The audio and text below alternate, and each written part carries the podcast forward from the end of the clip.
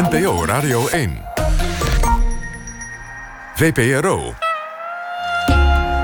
Nooit meer slapen.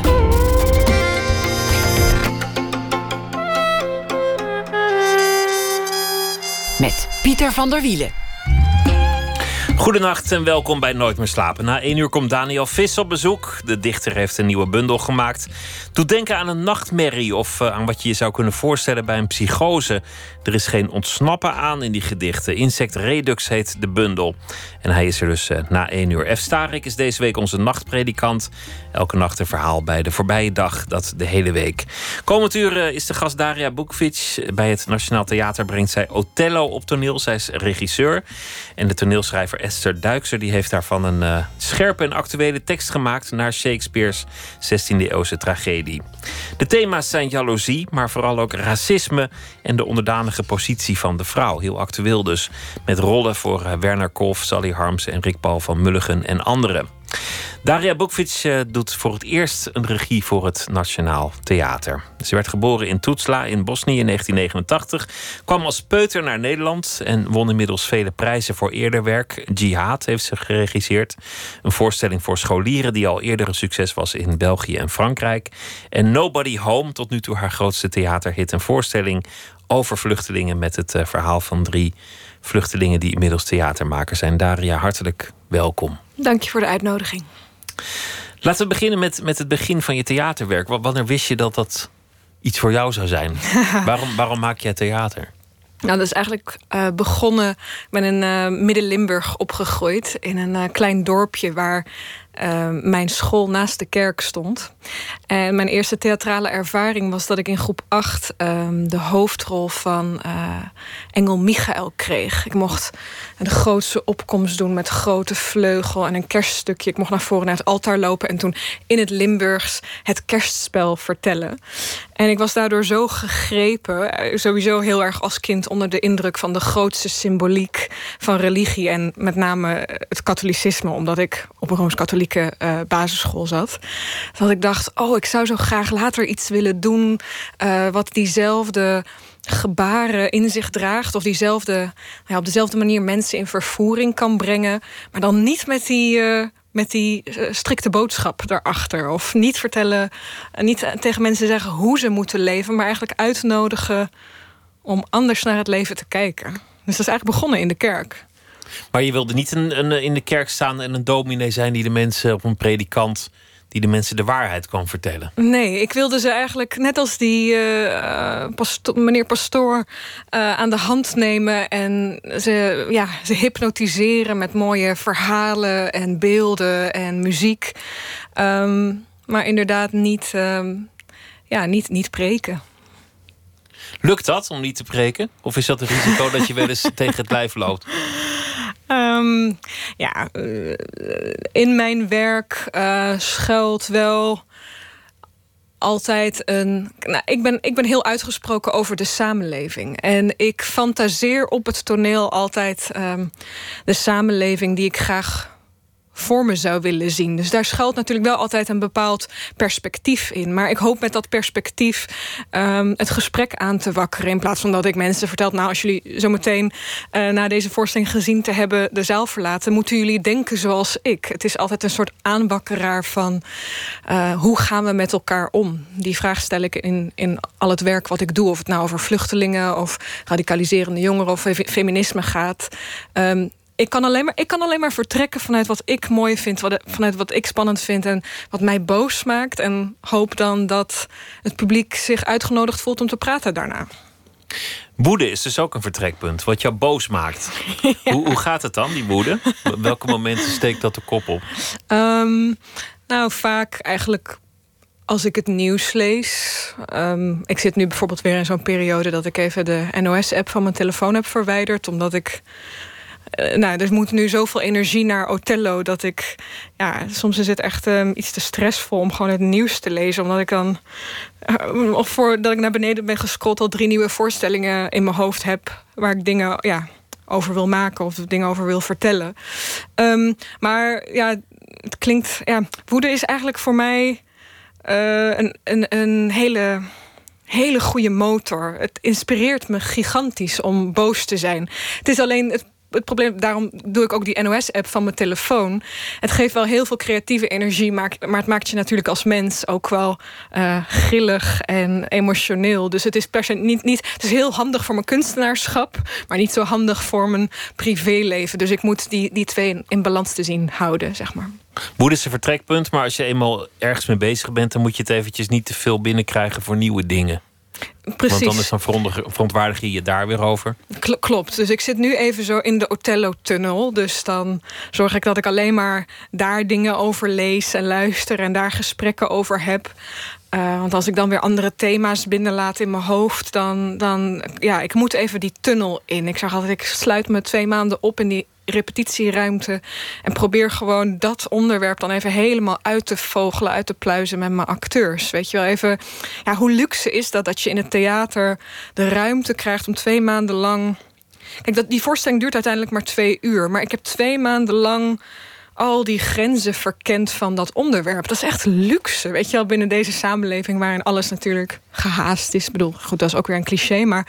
Um, nou, daarmee niet minder waar. Klopt, ja ik, ik mag echt de diepte induiken uh, met die spelers. En, en, en vragen stellen aan mezelf. En, mijn, mijn theater gaat vaak eigenlijk ook over de dingen waar ik zelf ongemakkelijk van word of waar ik niet uitkom. Bijvoorbeeld na Othello maak ik met Tofik Dibi ex-GroenLinks-parlementariër en vier Marokkaans-Nederlandse actrices...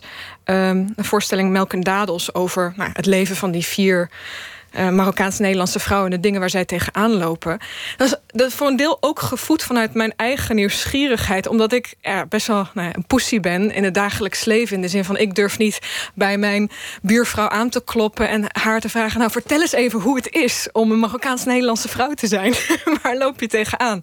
En uh, met de voorstellingen die ik maak, anseneer ik eigenlijk um, ja, situaties waarin ik zelf heel veel vragen kan stellen uh, die mij, uh, ja, dingen die mij nieuwsgierig maken, dat kan ik dan gewoon helemaal um, uitvogelen in zo'n repetitieproces. Vol, volgens mij is dat vaak zo dat mensen een, een beroep kiezen als een, als een excuus voor iets dat ze anders niet zouden durven. Ja, precies. Een, een journalist die kan, kan altijd iedereen bellen, terwijl dat normaal raar zou zijn. Of een fotograaf die kan iedereen in het gezicht kijken omdat er een camera tussen zit. Maar dat is het. Ik voel mij soms ook een ontzettende voyeur. Omdat ik eigenlijk gewoon ook tegen die acteurs zeg van nou, uh, bijvoorbeeld bij Othello, nou deze scène gaat over. Uh, weet ik veel, nu gaan jullie elkaar uh, proberen te verleiden om het een of het ander. En dan ga ik daar naar zitten en dan laat ik eigenlijk. Dan gaan twee acteurs voor mij een geile scène spelen. Of een boze scène of een verdrietige scène. Dan ben ik een soort van hele rare voyeur, voyeur aan de kant.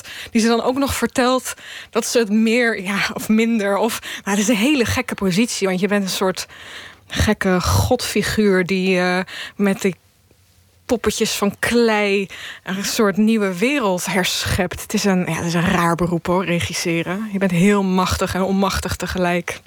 Het is fascinerend. Je maakt echte mensen tot marionetten.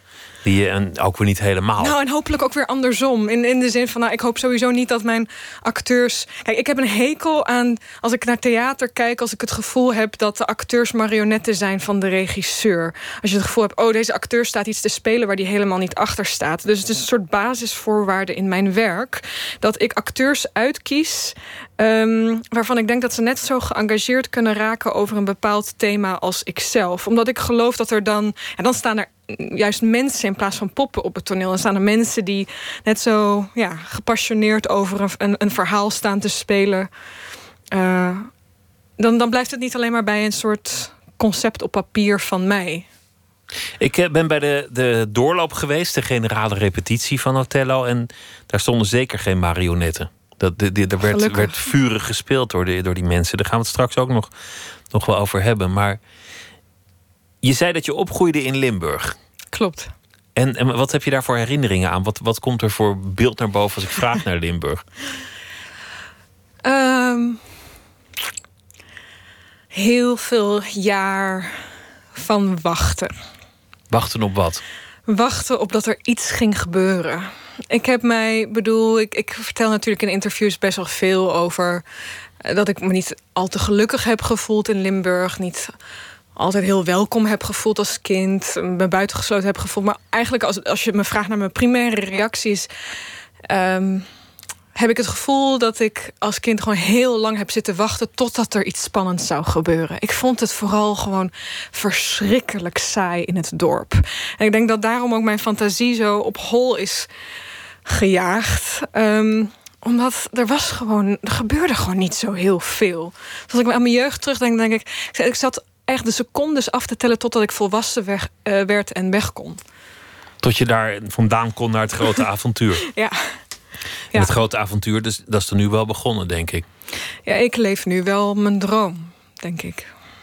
Ja, nee, niet denk ik, niet relativeren. Ik, ik, uh, uh, ik leef mijn droom op dit moment. Je, je bent geboren in, in Bosnië in 1989.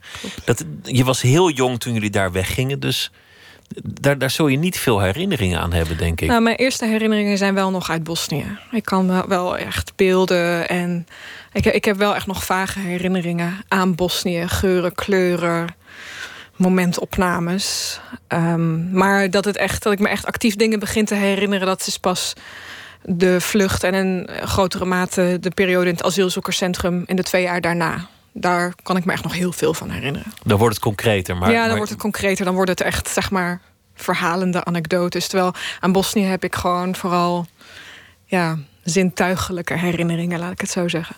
De geur of een, of een, of een, mhm. een, een, beeld of het landschap of, of dat soort dingen. Ja. Heb je, heb je daar ook herinneringen aan de oorlog al tussen? Uh, aan de vlucht? Lekkere vraag weer. uh, ja, ja, ik uh, kan mij ehm, wel uh, nog het een en ander herinneren van de, van de vlucht. Ja. Dat, dat je, vooral dat je werd dat meegenomen? Mijn, nou, vooral dat mijn moeder... Uh, voor, vooral het um, gevoel dat mijn moeder mij de hele tijd op haar borst droeg. Uh, om mij te beschermen. Dus ik heb, ik, wat ik me vooral herinner zijn alle momenten waarop zij in gevaar was. Um, en mij heel stevig tegen zich aandroeg. Dus dat, dat, dat uh, beschermende moedergevoel, dat is iets waar ik nou daarna ook nog heel overbeschermd opgevoed. Dus dat is iets waar ik. Nou, dat, dat kan ik heel sterk oproepen, dat gevoel. Dat, uh, dat je klein wordt gehouden. Dat iemand probeert jou te omarmen om je van, ja. van de wereld af te schermen. Ja.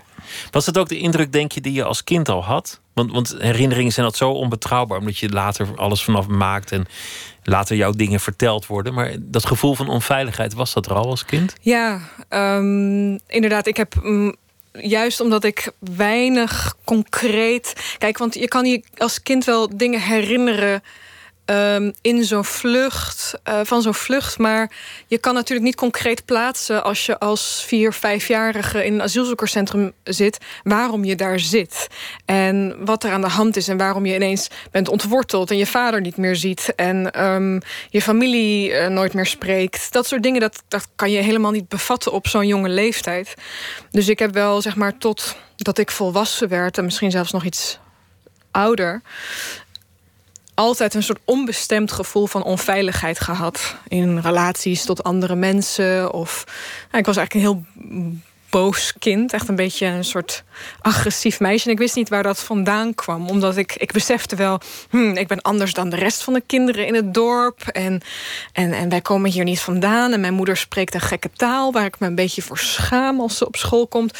Maar je kan, je kan de, de vinger er niet op leggen. Dus dat is wel een soort toch ook iets wat uiteindelijk later uh, heeft geresulteerd in dat engagement of zo. Dat ik nu graag die verhalen wil vertellen van die mensen die um, in zo'n situatie hebben gezeten waarin ze boos zijn op dingen waar ze geen grip op hebben. Nou, dat klinkt misschien een beetje vaag, maar zeg maar dat, dat gevoel wat ik heb gehad in mijn jeugd heeft wel, is wel uitgegroeid tot de kunstenaar die ik ben vandaag. Dus dat is ook de bron van, van de boosheid die, die je net noemde. Dus, dus als je ergens geen invloed op hebt. Iets heeft wel invloed op jou, maar je kunt, je kunt er niks aan doen. Klopt. Het gaat buiten jou om. Ja, ik ben gewoon als kind gewoon heel onmachtig geweest. Eerst zijn we gevlucht, daar had ik geen invloed op. Ik zag mijn vader twee jaar lang niet, daar had ik geen invloed op. Toen kwam hij, toen gingen we, uh, ja, werden we in een dorp geplaatst, daar had ik geen invloed op. Ehm, ik voelde me daar niet thuis, daar had ik geen invloed op. Eh, mijn hele jeugd was een soort. Ehm, had ik echt dat gevoel van onmacht. Van ik kan niks aan mijn situatie veranderen. Behalve in mijn fantasie. In mijn fantasie kan ik, kan ik ehm, de boel herscheppen. Of kan ik. ik kan echt letterlijk vluchten in mijn fantasie. En dat machteloze gevoel heb ik. Nou ja, goed, ik, ik, eh, zodra ik volwassen werd, weg kon, ben gaan studeren, toneelschool ben gaan doen. Ik heb met het jaar dat ik ouder word steeds meer het gevoel dat ik macht krijg. Wat eigenlijk een, eigenlijk een beetje een eng gevoel is. Omdat ik ook weet dat ik dat op een gegeven moment weer ga verliezen. Omdat er dingen in het leven gaan gebeuren die weer buiten mijn macht om zijn of het nou de dood van je ouders is, of uh, als je een kind krijgt en het kind. Ik bedoel, het leven overkomt je. Maar nu zit ik in een soort van verslavende machtspositie, waarin uh, alles wat ik aanraak, zo, of alles komt naar me toe als een soort magneet. Dat, maar dat is ook tenslotte je werk als regisseur: proberen om die fictieve werkelijkheid op dat toneel naar jouw hand te zetten. Om daar in ieder geval controle over te hebben.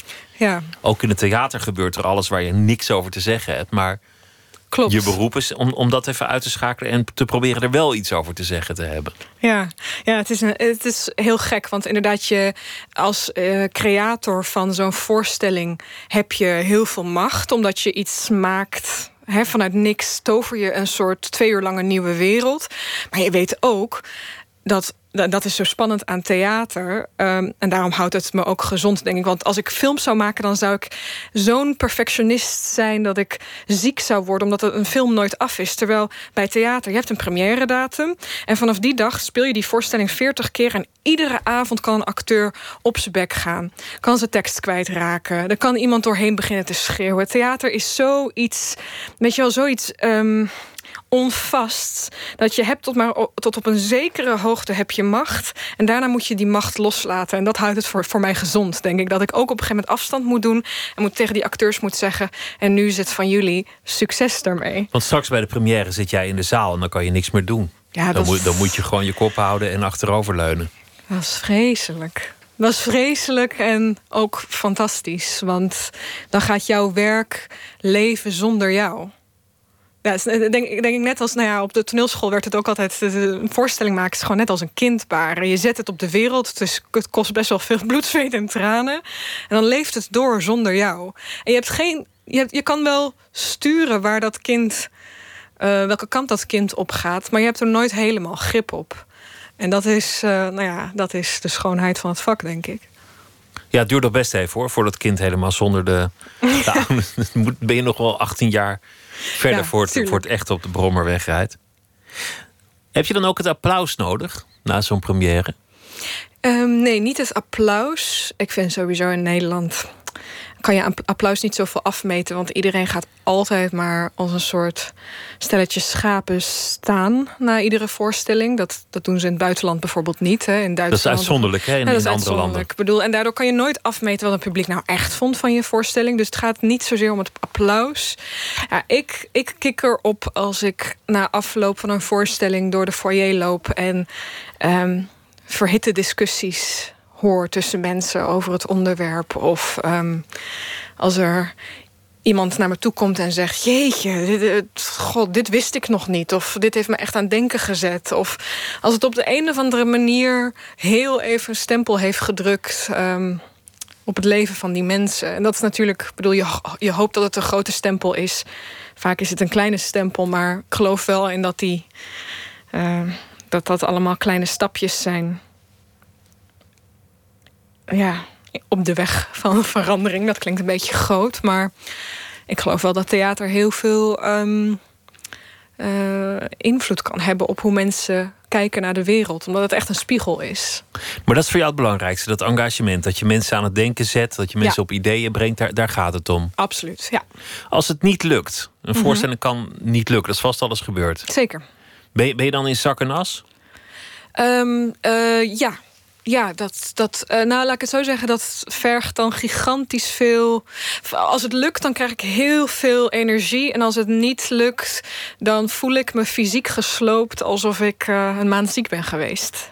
Omdat ik dan zo, weet je, ik stop er zoveel in echt um, mijn hele hebben en houden gaat in zo'n voorstelling zitten. En als ik dan het gevoel heb dat het niet geworden is wat het had moeten zijn. Ik heb het recent nog meegemaakt bij mijn uh, eerste voorstelling die ik in Duitsland heb geregisseerd. Die voorstelling is heel goed ontvangen door pers en publiek. Maar ik heb niet het gevoel dat het, de, dat het, um, het soort debat heeft aangezwengeld wat ik ermee wilde bereiken. Het was een heel lastig proces met de acteurs. Nou, ik ben er echt dan fysiek gewoon helemaal gesloopt van. Maar dat klinkt alsof je, alsof je soms bijna aan de, aan de rand van. waanzin. Ja, waanzin, nou, waanzin wil ik niet zeggen, maar aan, van een soort driedubbele burn-out verkeerd. Of, een, uh, ja. of, of anderszins een emotionele. Ervaring explosie. helpt. Ervaring helpt. Ik heb wel inderdaad vaak op dat randje gestaan. Maar ervaring zorgt er wel voor dat ik het steeds meer ook als werk kan gaan zien. Of dat ik het ja, helemaal, zeg maar, op, mijn werk op mijn werk laten kan nooit. Ik ben er de hele dag mee bezig. Maar ervaring helpt wel in ervoor zorgen dat je. Dat je, nou laat ik het zo zeggen, dat je beseft wat je na zo'n proces nodig hebt. Dus ik weet na een intensief proces zoals dit van Othello, waarin ik, nou ja, waar ik ook me emotioneel zeer betrokken voel tot het onderwerp, ga ik, nee, ga ik een weekje uh, op vakantie ga ik in mijn eentje nu toevallig naar de bergen in de buurt van Marrakesh. Ga ik een weekje lang lekker yoga doen of zo. Ik leer steeds meer te weten wat, wat mijn lichaam als compensatie nodig heeft voor um, de, de stoot aan creativiteit die ik er dan in die twee maanden uitgooi. Dus ik leer gewoon beter voor mezelf zorgen en dan uh, hou ik het langer uit. Maar dat betekent dat je niet permanent voorstellingen zou kunnen maken? Dat, nee, nee, dat kan ik zeker niet. Ik, ik kan dat zeker niet. Ik denk sowieso dat ik om de twee jaar... Ik heb een soort cyclus van twee jaar kan ik creatief zijn... en dan moet ik er altijd even een soort van half jaar of een jaar uit. Of iets anders doen. Um, na de zomer ga ik bijvoorbeeld een boek schrijven. Daar verheug ik me intens op. Dat ik dan in ieder geval, ik heb een half jaar vrijgenomen daarvoor. Dat ik weet dat ik dan zes maanden lang alleen maar op mezelf en mijn laptop aangewezen ben. En niet voor 60 mensen de verantwoordelijkheid draag. Ik zoek ook naar andere manieren om mijn creativiteit impulsen te geven, zeg maar.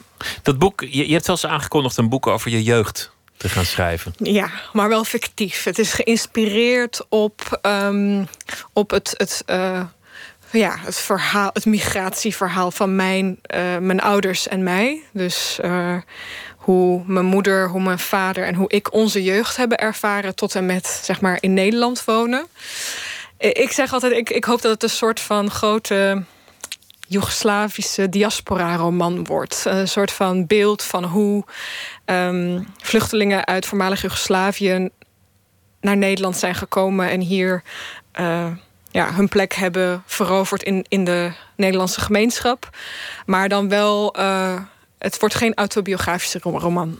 Het gaat natuurlijk over heel veel mensen. Er zijn ja, in, in de ja. jaren negentig heel veel mensen, ja. heel veel kanten opgevlucht en overal terechtgekomen. Zeker. En het is natuurlijk ook een heel wonderlijke geschiedenis van buitenaf bezien. Maar ik heb er ook vaak met mensen van, van binnenuit over, over gesproken. Van een land waar ineens allerlei ja, haarscheurtjes, grote kloven, ravijnen en, en breuklijnen werden. En een land Klopt. dat uit elkaar viel. Ja. Wat, wat is er met jouw ouders gebeurd? Want, want die, voor hen is die stap veel ingrijpender. Jij was een kind. Jij Mhm. komt in een nieuw land, je moet toch alles nog leren. Nou ja, dan doe je het elders. Ja, klopt. Ingrijpend genoeg hoor, maar je ouders die, die, eh, die, die hadden al een bestaan opgebouwd. Die hadden een beroep, die spraken de taal. Het wordt Ja. moeilijker een nieuwe taal als je ouder bent. Zeker, ja. Dat is, ehm, nou ja, mijn ouders zijn wel zeg maar de meest, de hardst geraakte generatie, denk ik. Want zij waren twintigers, hoogopgeleid, getrouwd, net een kind. Mijn moeder, mijn vader was jurist. Mijn moeder had een eh, cadeauwinkel midden in de stad die, ze, die Daria heette. Ik was net geboren. Alles ging ze voor de wind, weet je wel. En ineens raak je echt alles kwijt. Je land, je sociale status, eh, je familie. En je gaat naar een nieuw land. ehm, en ja, je moet helemaal onderaan de maatschappelijke ladder, de sociale ladder beginnen. En dat is, ja, dat is heel pijnlijk om te zien. Vooral als je zelf ouder wordt, dus als ik, toen ik ouder werd en me realiseerde hoe ingrijpend dat is, dat mijn moeder nou ja, in het magazijn van Action werkt. Dat vind ik heel ingrijpend, uh, aangrijpend. Wat, wat, deed ze, wat deed ze in Bosnië? Nou, ze had dus die cadeauwinkel. En jouw, vader, uh, jouw vader was jurist, hè? Daar? Ja, ja, klopt. En wat is die hier gaan doen? Hij werkt bij het UWV. Hij is uh, beslisser voor een of andere werkloosheidsuitkering. Oh, dat klinkt nog best wel als een chique baan. Ja, dat, ja het, is, het, is, het is een prima baan, maar het is onder zijn niveau. Weet je, mijn ouders zijn echt wel uh, een van de meest intelligente mensen die ik ken. En mijn moeder heeft jarenlang schoongemaakt en in een tortillafabriek gewerkt. En dat, nou, betere gesprekken heb ik zelden met iemand anders dan met mijn moeder. Dus dat, um, ja, dat, is, dat is gewoon heel pijnlijk. En um, ik denk dat iedere tweede generatie... Nou ja, goed, het is een beetje lastig om mezelf tweede generatie te noemen... omdat ik ben natuurlijk zelf ook gevlucht. Maar in zekere zin, alle tweede generatie kinderen proberen een beetje... dat van dat verlies goed te maken voor hun ouders. En, uh, omdat ze het ook voor jou gedaan hebben? Ja, ja nou, misschien zeker. niet het vluchten zelf alleen, maar ook het hier blijven wellicht. Nou ja, kijk, bij mijn ouders was dat wel heel specifiek ook uh, voor mij. Want um, zij wilden in principe heel graag daar blijven. Maar omdat mijn moeder een Bosnische moslima is... en mijn vader een uh, katholieke Kroaat... Um, wisten ze niet hoe Joegoslavië eruit zou zien... nadat het door nou ja, nationalisme eigenlijk verscheurd was. Dus hij heeft ons kind, wat uit een gemixt gezin komt... nog wel een toekomst in dit land. Um, wel, hoeveel kansen zal ze hebben? Dus het was echt voor mij. Want als het aan mijn ouders had, had, had gelegen... dan waren ze gewoon daar gebleven. Want ja, mijn, vader, mijn vader hield echt heel erg van, van Tito-Joegoslavië. Weet je wel? Het, van het land zoals het was. Van het land zoals het was, ja. Voel jij je schuldig naar je ouders? Dat heb ik me, ja, ik heb me heel lang schuldig gevoeld. Ik ben nu inmiddels een beetje van dat uh, gevoel verlost. Na veel gesprekken met hun, een aardige dosis therapie, uh, een beetje volwassen worden. En mijn moeder heeft het heel vroeg tegen me gezegd: Kind, je hebt. Uh, als er al schulden waren, heb je ze afbetaald. Ga nu maar voor jezelf leven. Um, maar ik denk dat het altijd wel een issue zal blijven in mijn leven en werk. Dat ik altijd. Dat ik, ik, ik ga nooit het gevoel hebben dat het genoeg is. Omdat, ja, het is allemaal. Het is gewoon, weet je wat gewoon heel gek is? Um, wat heel gek is, is dat ik nu. Ik ben een regisseur bij het Nationaal Theater. Dat klinkt allemaal zo fancy, weet je wel. Ik, ik, ik dat word, is fancy. Ja dat, nou, ja, dat is fancy. Ik word ineens, sinds in de afgelopen drie jaar, ben ik gebombardeerd tot culturele elite. De wereld ligt aan mijn voeten. Ik kan maken wat ik wil met belastinggeld. Ongelooflijk. Ik kan weet je, voorstellingen maken. En zij zijn nog steeds op diezelfde plek. En zij gaan daar nooit uitkomen. En dat is heel, heel gek, weet je wel, dat, dat je uit zo'n achtergrond komt. Weet je wel, gewoon een migranten, arbeidersfamilie die keihard knokt, nog steeds keihard knokt. En ineens ben jij zogenaamd iemand. Dat is heel, dat voelt heel um, uh, paradoxaal soms. Maar dat is ook een gedachte die alleen maar meer druk op jezelf legt. Moet je het nog beter doen, nog meer waarmaken? Ja. ja. Uh, ik moet, uh, ja, klopt. Ik leg, ik leg veel druk op mezelf. En ook dat gaat met ervaring beter. Je ouders zijn trots op je, dat, dat weet ik zeker. Ze zijn belachelijk trots. Uh, nee, ik bedoel, mijn moeder denkt echt een maand van tevoren aan. Of uh, denkt een maand, uh, maand van tevoren na over wat ze aantrekt naar mijn première. En ja, natuurlijk, ze barsten van, van trots. Ja, zeker. Wat, wat voor verhouding heb jij eigenlijk met, met Bosnië? Met dat land? Want, want je bent wel eens terug geweest. Zeker. Dat, dat is dan een, een, een soort van ja, in letterlijke zin is het je vaderland. Maar het is een, het is ja, een land waar je zelf Bosnië, geen geschiedenis hebt. Ja, ik noem Bosnië altijd mijn moederland, omdat mijn moeder Bosnisch is. En ik noem Kroatië mijn vaderland. Want, want die twee ja, die, die twee partijen die waren in één gezin verenigd. Jij bent eigenlijk van, van allebei samengesteld. Ja, precies. Dus ik heb, uh, maar, maar omdat ik in Bosnië ben geboren, voel ik me wel meer, net iets meer Bosnisch. Of ik, ik zeg ook, als ik me kort moet voorstellen, maar als ik echt een lang gesprek met iemand aanga, dan wil ik me nog wel eens wagen aan het uitleggen van Joegoslavische problematiek. Maar meestal zeg ik gewoon, ik ben Bosnisch. Ehm, ja, wat ik, ik heb ehm, een heel sterk. Als kind heb ik zo, geprobeerd zo Nederlands mogelijk te zijn. Ik probeerde alles uit te vlakken wat anders aan me was. In de hoop dat ik dan gewoon gezien zou worden als een Nederlands meisje. Ehm, en pas toen ik volwassen werd, begon ik eigenlijk te merken. Hé, hey, maar wacht even, het is fantastisch dat ik die, uh, nou ja, dat ik die culturele rijkdom en dat erfgoed met me meedraag. En toen ben ik juist met heel veel liefde teruggegaan naar Bosnië. En nu. Want eigenlijk is, het een, is het een voordeel als je meerdere culturen in je verenigt. Ja, maar dat besef je. Dat, dat kan je je als uh, bicultureel kind in een dorp waarin, de, waarin iedereen zeg maar wit en autochtoon is, kan je dat eigenlijk heel moeilijk voorstellen.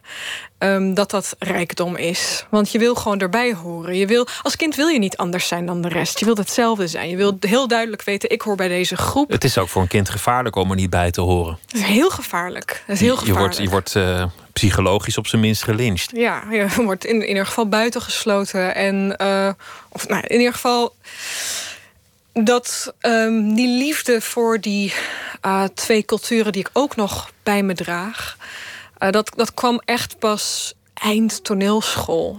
Toen ik me begon te beseffen dat dat, dat me heel rijk maakt. Doordat ik eigenlijk uh, vanuit verschillende perspectieven naar al die verhalen kan kijken. En dat ik heel erg hou van wat Bosnisch is aan mij. Ik hou daar heel erg van. Noem, noem eens iets wat Bosnisch is aan jou. Nou, ik hou bijvoorbeeld nu er heel erg van dat ik veel met mijn handen praat. Dat ik nu heel, heel natuurlijk omdat ik zenuwachtig zit, zo met mijn handen onder de tafel zo vastgeklampt zit. Maar uh, normaal gesproken praat ik, spreek ik veel met mijn handen. En uh, nou, ik vind dat nu een soort sympathiek element. Terwijl op de middelbare school zijn docenten altijd tegen me... wapper niet zo met je handen, wapper niet zo met je handen... wapper niet zo met je handen. Dacht ik altijd dat ik dat, dat soort dingen moest uitvlakken, weggummen. Terwijl mijn temperament is uh, mooi. Is, ik denk dat mijn temperament me onderscheidt van andere mensen. En dat het een onderdeel is van mijn talent. Dat ik mijn temperament altijd als iets heb gezien wat me in de problemen bracht omdat het me overduidelijk. Omdat als je naar mij kijkt, zeker nu ik blond geverfd haar heb, zou je me op straat niet kunnen onderscheiden. Waarschijnlijk. Zou, het zou je niet zo snel opvallen dat ik een buitenlander tussen aanhalingstekens ben. Maar zodra ik begin te praten, dan komt er iets anders bij kijken. En dat wilde ik altijd uitgummen om vooral niet te verraden dat ik, dat ik nog iets anders in me heb of zo. En dat soort dingen, daar ben ik van gaan. Ja, het is, een stukje zelfliefde of zo. Hoor mij praten. Een stukje zelfliefde, Jezus. Maar in ieder geval, um, ja, je leert gewoon, als je ouder bent, gewoon trots te zijn op wie je bent. In plaats van dat altijd proberen te bedekken je kunt maar beter zijn wie je bent dan proberen iets te zijn dat je niet bent, uiteindelijk. Het. het. gewoon maar uh, omarmen. Maar jouw, jouw moeder beschermde jou, letterlijk, toen jullie, toen jullie weggingen. Mm -hmm. dat, dat gevoel dat is je bijgebleven. Dat gevoel van onveiligheid, maar ook iemand die zo'n arm om je heen houdt. Is ze dat blijven doen ook toen je, toen je een tiener was?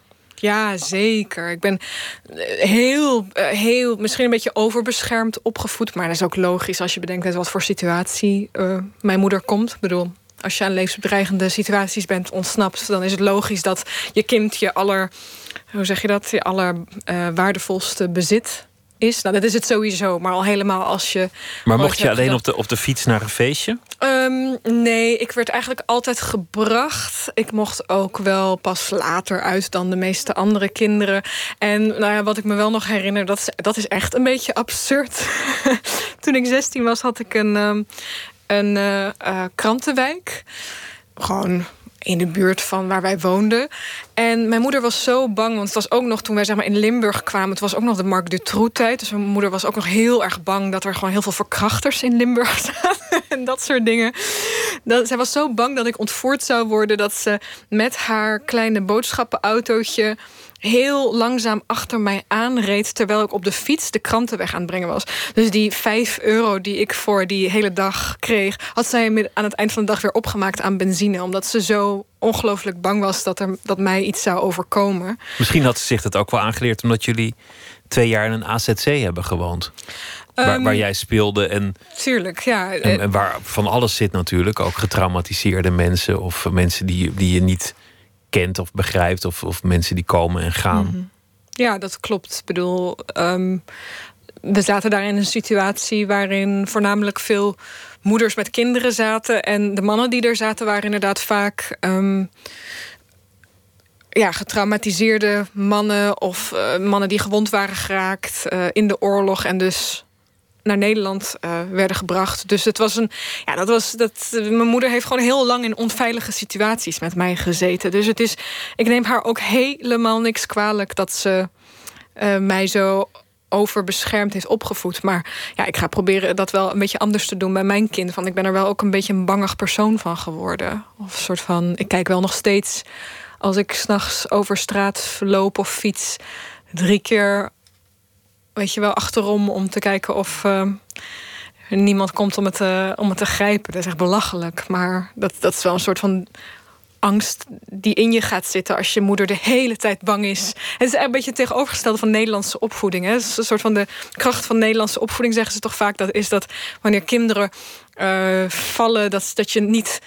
Oh jee, je moet zeggen, maar juist. Oh, prima, sta maar weer op. Weet je wel dat je juist niet moet benadrukken dat dat erg is of dat dat pijn doet. Daar worden Nederlandse kinderen zo groot en sterk van en uh, voelen geen pijn. Nou, ik heb een beetje het tegenovergestelde gehad. Ik hoef nog maar een kant op te kijken. En mijn moeder zei al: pas op, pas op, pas op. Dit is trouwens voor het eerst in mijn leven dat ik iemand lof voor uh, spreken, vol lof voor spreken over de Nederlandse opvoeding. Ja, volgens mij is dat toch uh, sta, staat de Nederlandse opvoeding in de wereld wel heel hoog aangeschreven als dat, nou ja, dat Nederlanders heel uh, zelfstandige kinderen uh, opvoeden die de wereld aan kunnen. Ja, volgens mij is dat wel echt. Uh... Ik hoor altijd dat je, dat je Nederlandse kinderen op een kilometer afstand kunt herkennen omdat ze het café slopen. Maar, maar goed. Dat als ze iets ouder worden, inderdaad. Ja, dat klopt maar, wel. Laten we, laten we een, een paar dingen bij elkaar grijpen. Want ik, ik, wil je niet alleen neerzetten als, als de, de, de dochter van vluchtelingen, maar ook vooral als, als theatermaker. Mm -hmm. je, je hebt het gehad over je woede, die dan vaak gaat over iets waar je geen controle over hebt.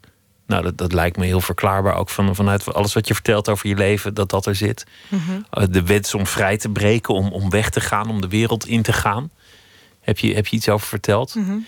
en, en heel veel van jouw voorstellingen gaan over mensen die op de een of andere manier buitengesloten worden, of in ieder geval niet toegelaten tot het, tot het beslissingsproces. Ja. Over wie wordt geregeerd. De machtelozen. De underdogs, ja, de minderheden, hoe je ze ook wil noemen. Ja. Eigenlijk, eigenlijk volgens mij alle grote dingen die je hebt gedaan, op zijn minst, die, die gaan daar wel over. Zeker. Je, je maakte um, de, de voorstelling Nobody Home. Dat, dat was een voorstelling waarin drie mensen die toevallig ook allemaal op de toneelschool terecht waren gekomen met een migratieachtergrond of een vluchtelingenachtergrond, mm -hmm. die vertelden een, een, verhaal dat leek op het verhaal van hun. Jij hebt het geregisseerd. Mm -hmm. dat, dat, werd, dat werd een gigantisch succes. Ja. Waanzinnig veel lof. En Totaal eigenlijk... onverwacht, want niemand kende ons. We waren gewoon vier jonge kids net van de toneelschool die een soort hele grappige, bijna cabaret geïnspireerde theatervoorstelling wilden maken over um, ons eigen vluchtverhaal en dat van onze ouders. En ineens, ja, het was bizar wat er gebeurde. Hoeveel, um, hoeveel animo ervoor was en, en hoeveel mensen het wilden zien en hoeveel persaandacht ervoor was. Dat was echt, um, ja, dat was een hele gekke ervaring. Dat wij iets maakten natuurlijk wat, wat ging over ja, toch de moeilijkere periodes en de moeilijkere aspecten van ons leven. En als we daar voor ineens zoveel lof kregen van alle kanten. is natuurlijk ook, ook weer zo'n paradoxaal iets dat je daar dan om wordt gevierd. Terwijl je het eigenlijk hebt over hele ernstige dingen. Wat ik mooi vond aan die voorstelling was dat, dat, het, dat het heel grappig bleef. Het bleef humoristisch. Terwijl, terwijl geen enkel moeilijk thema uit de weg werd gegaan. Nee, klopt. Ja, het was, was bij, bij Vlaag en Spijker harde voorstelling. Maar er zat een, een een, lekker filijne zwarte humor in. Ja, maar ik, ja, ik geloof gewoon dat je uh, zware thema's. Ik zeg niet dat je altijd alles met humor per se uh, moet brengen. Ik weet niet of Othello. Othello heeft zijn grappige momenten. Is niet per se een hilarische voorstelling. Maar ik geloof wel altijd dat je als maker op zoek moet gaan naar een verleidelijke vorm. om een zwaar thema in te verpakken pakken. Zodat mensen uitgenodigd worden om, nou, echt verleid worden om zich te verplaatsen in het perspectief van degene waar het om gaat in de voorstelling. En bij Nobody Home was dat echt de humor en de zelfspot die we hadden. Het afkraken van onze Nederlandse buurman en tegelijkertijd onze Somalische collega in het asielzoekerscentrum. Weet je wel dat je gewoon iedereen meeneemt in je Ehm, maar ja, ik ben gewoon iemand die altijd. Uh, kijk, een krant lezen heeft gewoon vaak niet zo heel veel effect op mensen. Terwijl als je die, die um, realiteit die nu gaande is weet te brengen op een manier dat mensen erdoor geraakt worden omdat ze zich kunnen identificeren met de problematiek van de mensen die op het toneel staan, ja, dan kan je, volgens mij kan je, kan, kan je dan, kom je dan echt heel ver. Omdat je omdat mensen dan de wereld voelen in plaats van alleen maar tot zich nemen. Lezen, overlezen of.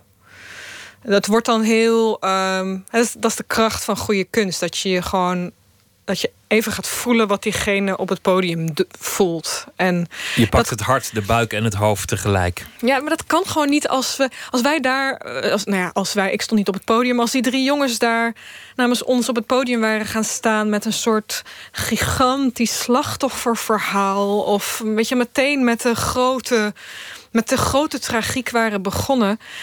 Ik weet niet, volgens mij schuilt tragiek toch ook juist in het feit dat het grappig is. Want al die integratieverhalen van ons zijn vooral eigenlijk absurd grappig.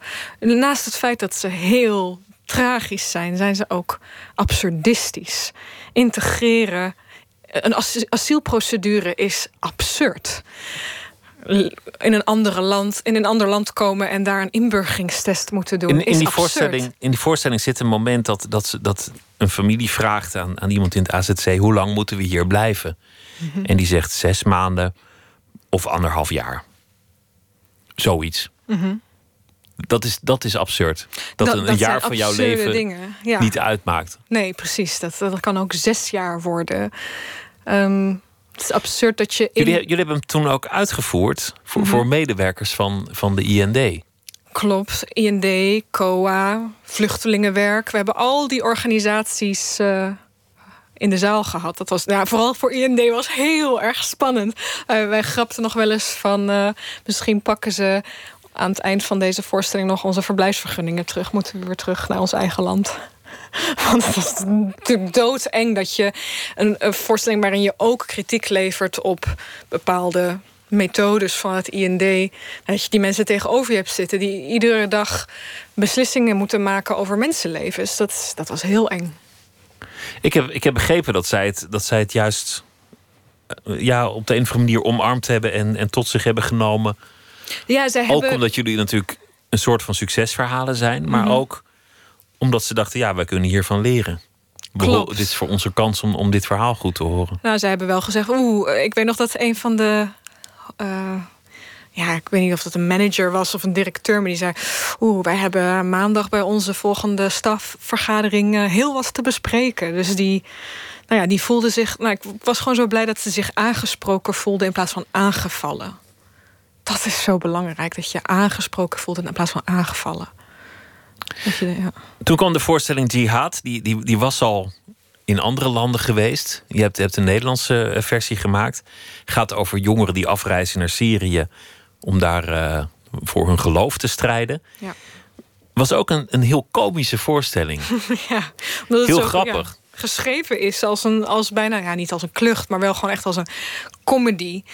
Uh, ja, in die zin leken Jihad en Nobody Home een beetje op elkaar in de zin van dat het 90% lachen is en op het einde krijg je een soort stoot, een soort klap uitgedeeld waarin je beseft, hé, hey, dat waar ik om heb zitten lachen is eigenlijk heel ernstig realiteit. Er, je kan niet meer terug. Wat ga, je, wat ga je doen nadat je bent vertrokken naar Syrië om te vechten voor je geloof? Um, ja, ook daar was, het, uh, was de humor echt een heel belangrijke troef. Om ook vooral die, wat was het? Ik denk dat we 30.000 jongeren hebben bereikt met die voorstelling. Ik weet de precieze getallen niet, maar hoe, hoe zorg je ervoor dat die kids een uur lang, anderhalf uur lang geboeid blijven door een verhaal waar ze misschien zich niet zo 1, 2, 3 mee kunnen identificeren. Ja, door humor, door, eh, door, door, door straattaal, door te hebben, weet je wel, door, door letterlijk um, ervoor te zorgen dat ze zich met die personages kunnen identificeren. En vooral, en dat is ook heel belangrijk, drie jongens op het toneel zetten waarvan je gelooft waarvan je echt gelooft dat ze het zouden. Dat, nou ja, dat ze uit een groep komen die zo'n beslissing zou kunnen maken. En niet dat je als, ik zeg maar wat, Marokkaanse jongen in de zaal zit en denkt: hè, waarom staat die witte jongen, waarom staat die Tata-jongen een verhaal te spelen wat helemaal niet. Uh, wat helemaal niet over hem gaat. Die identificatie bij dit soort onderwerpen voor dit soort doelgroepen is echt extreem belangrijk. Waarmee ik niet zeg dat in een soort van gelijkwaardige wereld zou iedere acteur iedere rol moeten kunnen spelen. Een wit iemand zou een zwart iemand moeten kunnen spelen en andersom. Een man zou een vrouw moeten kunnen spelen en andersom. Maar bij dit soort thema's, ja, dan kan je gewoon nog niet drie witte jongens op het podium zetten. Dan gaat het echt om identificatie. De, de mensen in de zaal moeten zich verwant voelen met degene op het podium en, en, en wat, wat zij vertellen. Laten we het hebben over, uh, over Othello. Want, want Erik de Vroet die vroeg jou om bij het eh, Nationaal Theater uh, aan de slag te gaan. En toen heb jij meteen gezegd: ik, ik wil het doen, maar dan wil ik meteen Othello doen, Shakespeare. Dat is ook meteen een soort risico dat je opneemt. Want het is natuurlijk zo'n beroemd stuk en, en vaak gedaan. En ook door, uh, door de allergrootste der aarde, et cetera, et cetera. Waarom wilde je dat zo graag? Um, dat wilde ik eigenlijk een jaar na de toneelschool, dus ongeveer zes jaar geleden, al doen. Um, ja, omdat ik vooral merkte dat ik tot, dat, tot dan toe alleen maar Othello's had gezien met witte acteurs. Wat ik gewoon vrij gek vond, omdat dat stuk um, toch ook gewoon over een zwarte generaal gaat die um, wordt ja, gebackstabbed in een afgunstige samenleving. En dat ik heel gek vond dat dat nog nooit was gedaan. En ik had um, op de toneelschool, een jaar onder mij op de acteursopleiding, zag ik Werner Kolf, een hele hele goede uh, acteur met een Nederlandse acteur met Surinaamse roots, die ja, die zo uh, veel indruk op me maakte dat ik een keer aan hem vroeg van wil je wat gaan drinken? En ik zei tegen hem, ja, kijk, ik wil heel graag Othello maken. Uh, dat moet met jou. Ik heb alleen nog geen gezelschap, geen geld, geen platform, maar ooit gaan we dat samen doen. En het bizarre is dat we dan zes jaar later bij hetzelfde gezelschap belanden. Dus dat had echt zo moeten zijn. Dat we allebei werden gevraagd, hij om te spelen, ik om te regisseren bij het Nationaal Theater. Dat ik daar een soort van vrijbrief kreeg van oké, wat wil je doen? Nou ja, Othello. Weet je wel, ik ga. Maar je, maar je, zei, het is nooit eerder gedaan met een zwarte acteur. Dat, nee, dat nee, is... nee, dat, dat, heb ik niet gezegd. Het is wel, het is wel uh, gedaan met zwarte acteurs. Um, bijvoorbeeld in wat kleinere toneelgroepen. Maar nooit bijvoorbeeld bij de echt grote gezelschappen. Uh, Nationaal Theater, Toneelgroep Amsterdam. Ik weet dat Noord-Nederlands toneel er wel een keertje uh, een heeft gehad. Maar ik heb het echt over de, zeg maar, de, de, de het grote podium. Het, ja, het, ja, het grote podium. Weet je wel, de grote. Want Erik Sauers heeft, heeft, een, heeft, een, heeft een Othello gemaakt. En, Klopt, en zo bij zijn er nog Terpstra, bij het Noord-Nederlands toneel. Dus het is wel gedaan, maar vaak uh, zeg maar of bij de kleinere multiculturele theatergroepen, maar nooit bij het Nationale Theater. Nog nooit een zwarte Othello gehad. Dat vind ik gewoon heel gek. Er is wel, de, heel vroeger werden, werden dan wel eens witte acteurs zwart ge, gesminkt. Nou, niet eens zo heel vroeger. Dat is vrij recentelijk, vind ik, dan nog gebeurd. Bijvoorbeeld drie jaar geleden zag ik... nee, vier jaar geleden een Othello bij de Schaubühne in Berlijn. Een van de grootste stadsgezelschappen van Berlijn. En daar had je weer een witte man die zich zwart schminkte in het begin. Zich vervolgens afschminkte en dan vervolgens die rol speelde. Alsof dat kleine beetje schmink op zijn gezicht... ja, dat hele verhaal kon vertellen van wat het is, denk ik, om een zwarte man, een zwarte uh, succesvolle man in een witte omgeving te zijn. En ik denk dat Werner Kolf, die wel weet ho hoe dat is, als een van de uh, weinige zwarte acteurs in een bijna totaal door wit gedomineerde toneelwereld, um, weet wat dat is. En daar dus iets kan toevoegen aan die rol wat heel bijzonder is. Nou is het. Meestal het thema dat, dat regisseurs uitkiezen bij Otella of, of, of uh, schrijvers: de jaloezie. Ja. De man die, die in een waanidee gaat geloven omdat hij denkt dat zijn geliefde het met een ander doet. Ja. En daardoor zichzelf ten gronde richt. Klopt. En, en, uh, en uiteindelijk haar vermoord. En, en uiteindelijk ook, uiteindelijk haar vermoord en, en alles verspeeld. Ja. Uh, nou ja, dat, dat Mooi einde, thema op zich al. Zeker. Dat einde, daar, daar verander ik wel het een en ander aan. Ik blijf redelijk lang getrouw aan Shakespeare tot, tot aan dat einde. Ehm, maar uh, ja, ik zie jaloezie meer als een werktuig. je kan er een thema van maken. Het is natuurlijk een interessant thema. Het is iets heel menselijks, jaloezie. We kennen het allemaal, we voelen het allemaal wel eens. Maar um, ik zie jaloezie eerder als een soort werktuig waarmee Othello um, ja, wordt bespeeld om uiteindelijk. Uh, uh, ten val te worden gebracht. Terwijl ik vind het gegeven dat Shakespeare 400 jaar geleden al ervoor koos om zijn hoofdrolspeler zwart, ja, tot een zwarte man te maken. Terwijl die, nou ja, waarschijnlijk niet met heel veel zwarte mensen in zijn leven in aanraking was gekomen. Um, heel fascinerend, omdat ik dus toch denk dat hij iets heeft willen zeggen over ja, wat gebeurt er met ons als we iemand van buiten binnen de groep zien komen en heel veel zien bereiken. Wat maakt dat, wat maakt dat voor giftig sentiment los? Ook dat... ja, afgunst. Daar, dat, mhm. dat is, hij bedoelde gewoon volgens mij, denk ik, weet ik veel. de, wat Shakespeare, ik weet niet eens wie Shakespeare was, joh. Maar waarschijnlijk gewoon de ander, de vreemdeling, die ja. er niet thuis hoort, die de andere overstijgt. Ja, en die, andere de promotie krijgt en het ook nog eens het mooie witte meisje. En daar komt geklets van. Mhm. En als die man te goed luistert naar dat geklets, dan, dan zal die zichzelf ten gronde richten. Ja, ik zie het anders. Ik denk dat de omgeving hem ten gronde richt. Want jij, jij maakt het heel actueel. Deze voorstelling ging echt over racisme. Ging ook wel een beetje over, over de vrouw die niks te zeggen heeft. Want over Desdemona wordt, wordt gewoon beschikt en, en besloten. Die heeft helemaal geen inspraak. Niemand vraagt daar ooit iets.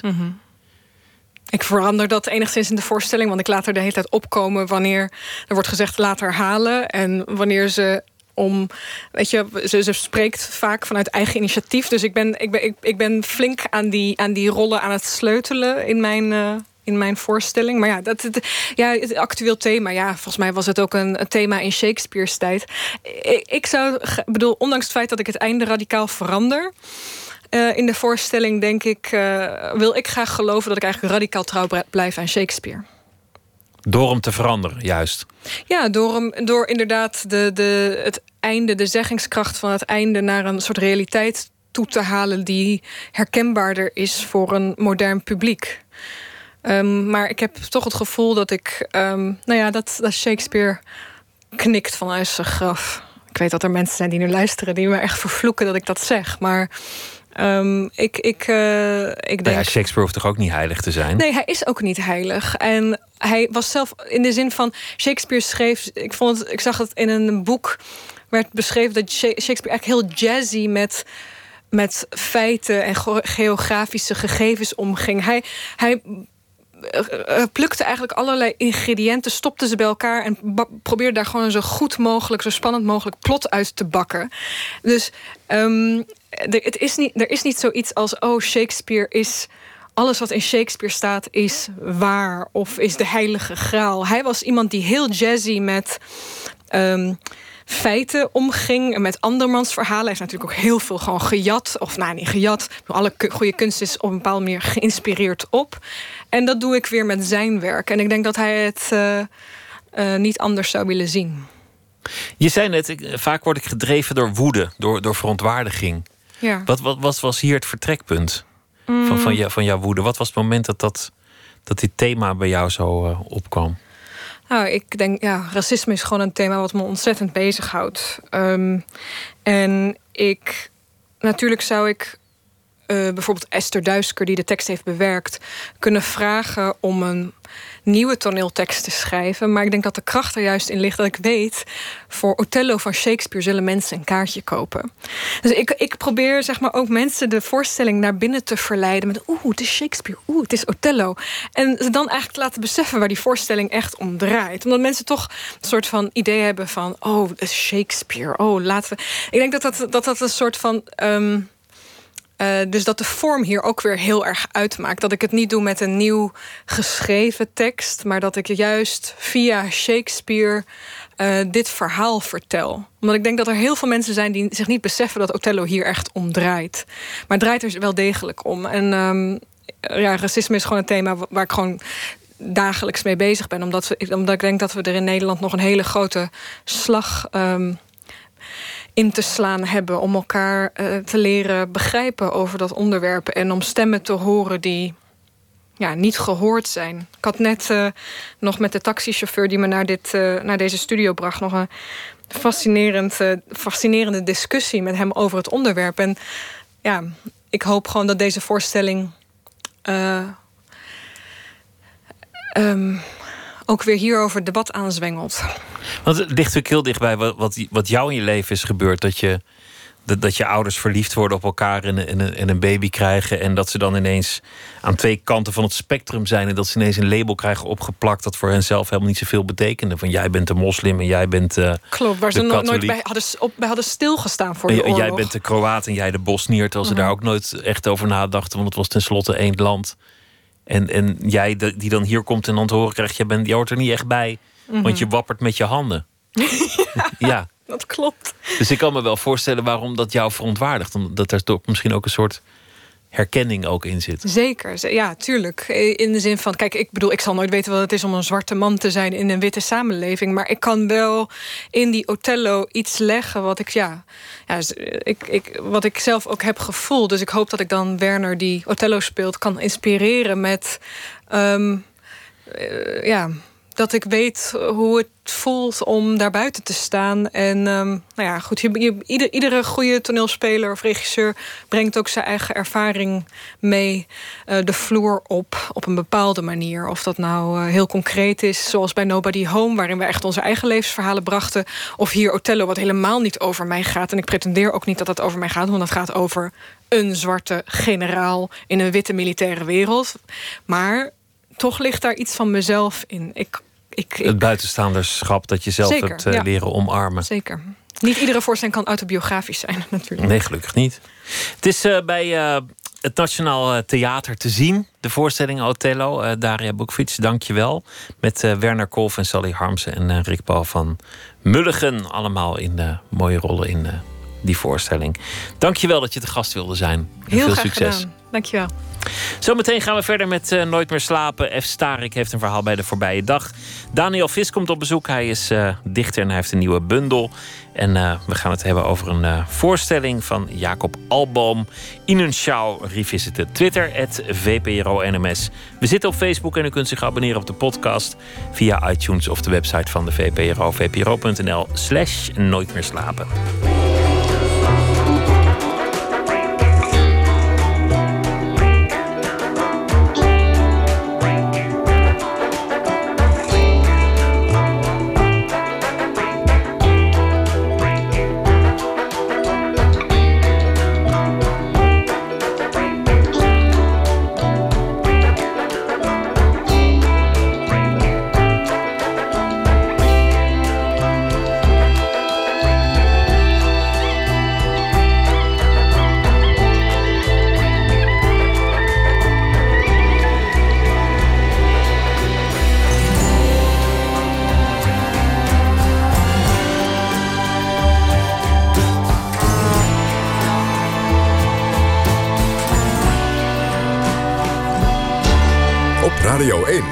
Nieuws van alle kanten.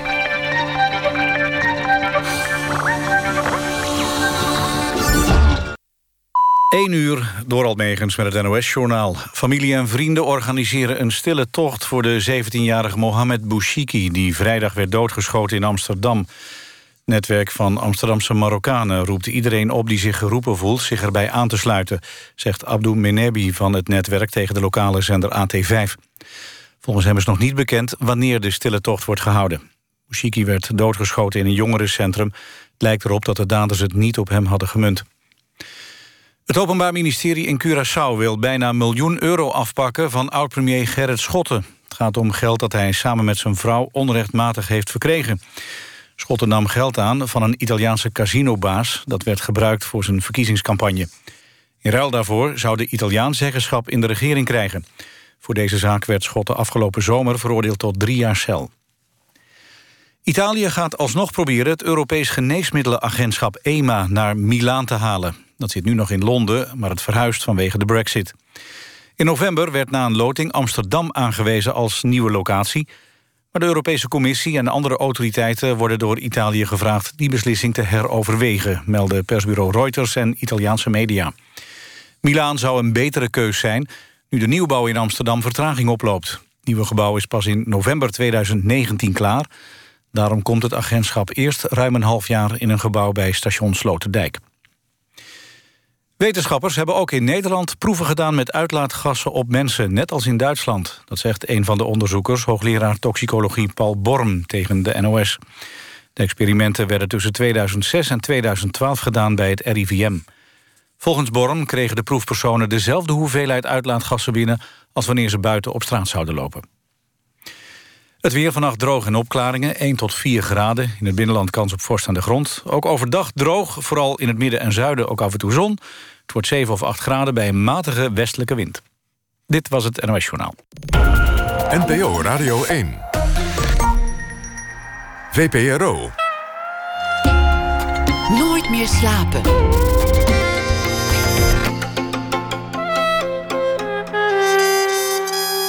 Met Pieter van der Wielen.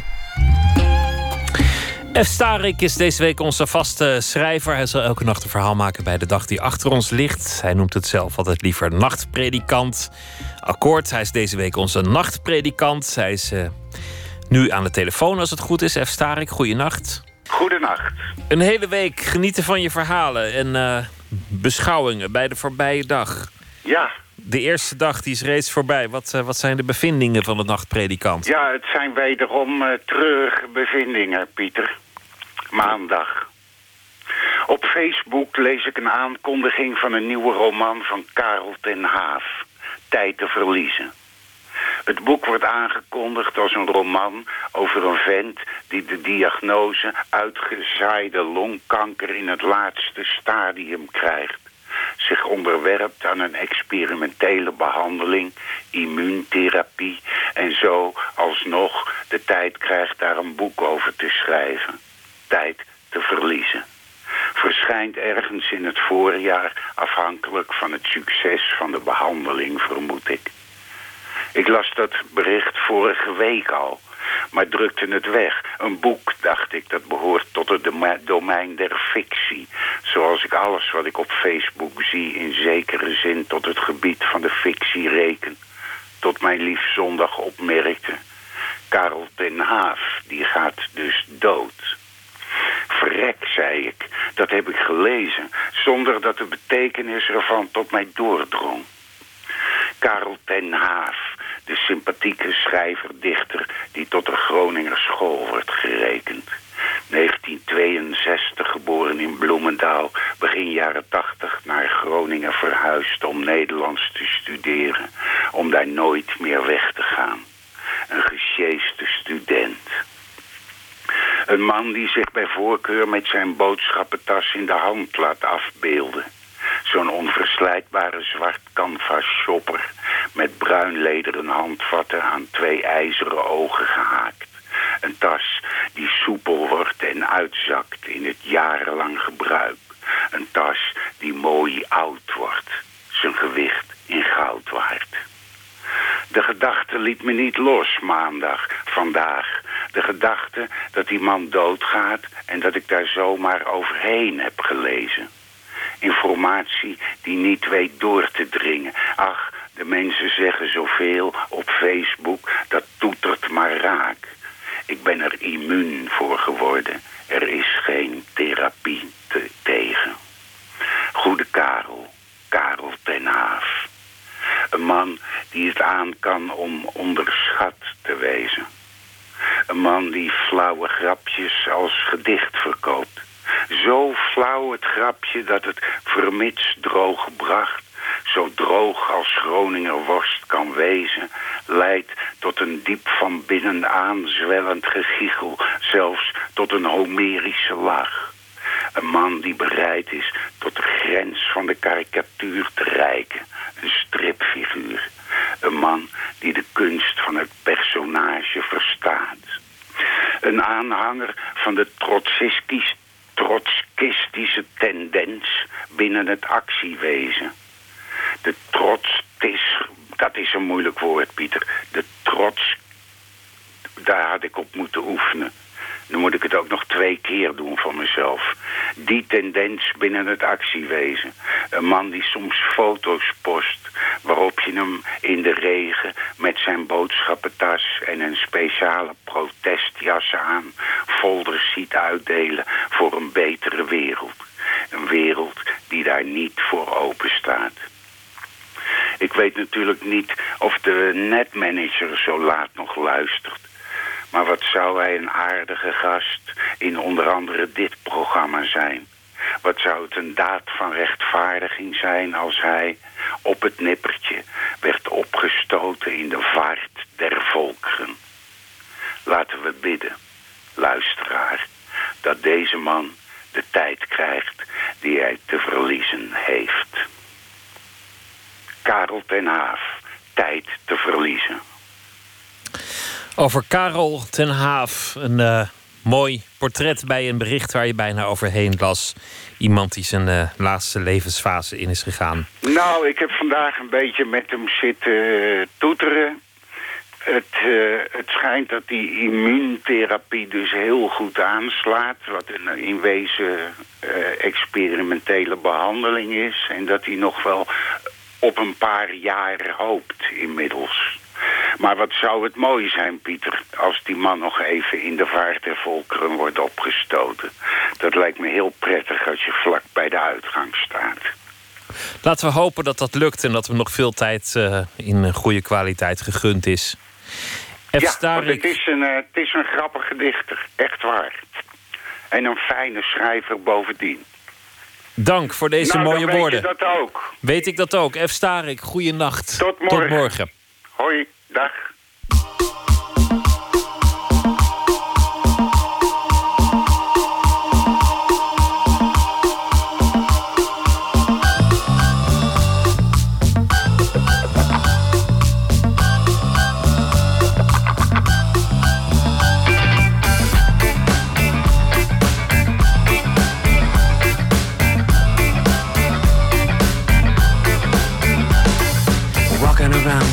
Bent down, complacent in a sedated state. Wanted to hear what you had to say, but there was too much talking over each other.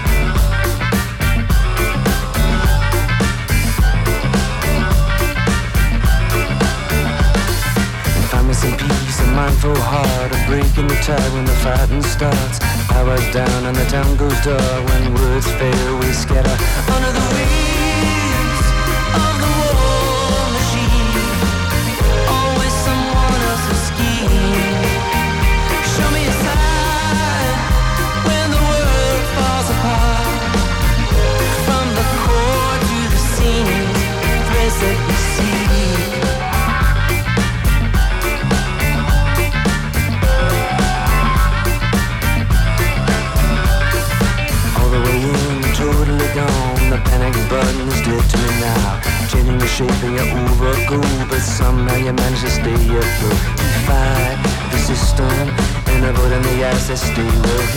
Surrender the words while the lovers leap Out of the fate to the infinite Deep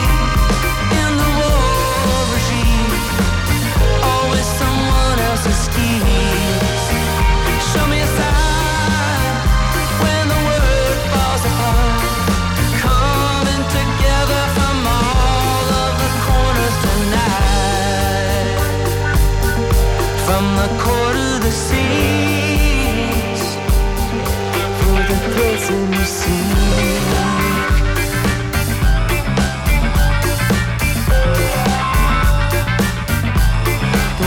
The perfect.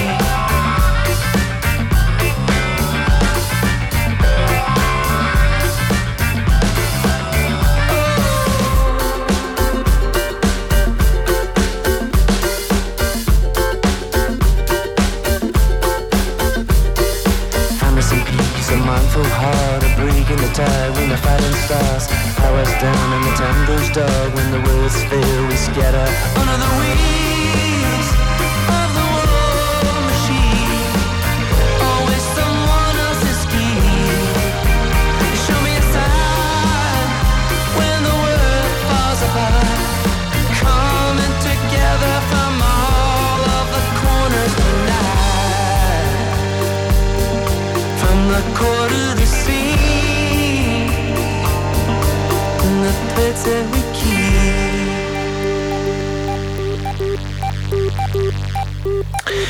Calexico was dat met uh, Under the Wheels van het uh, aanstaande nieuwe album.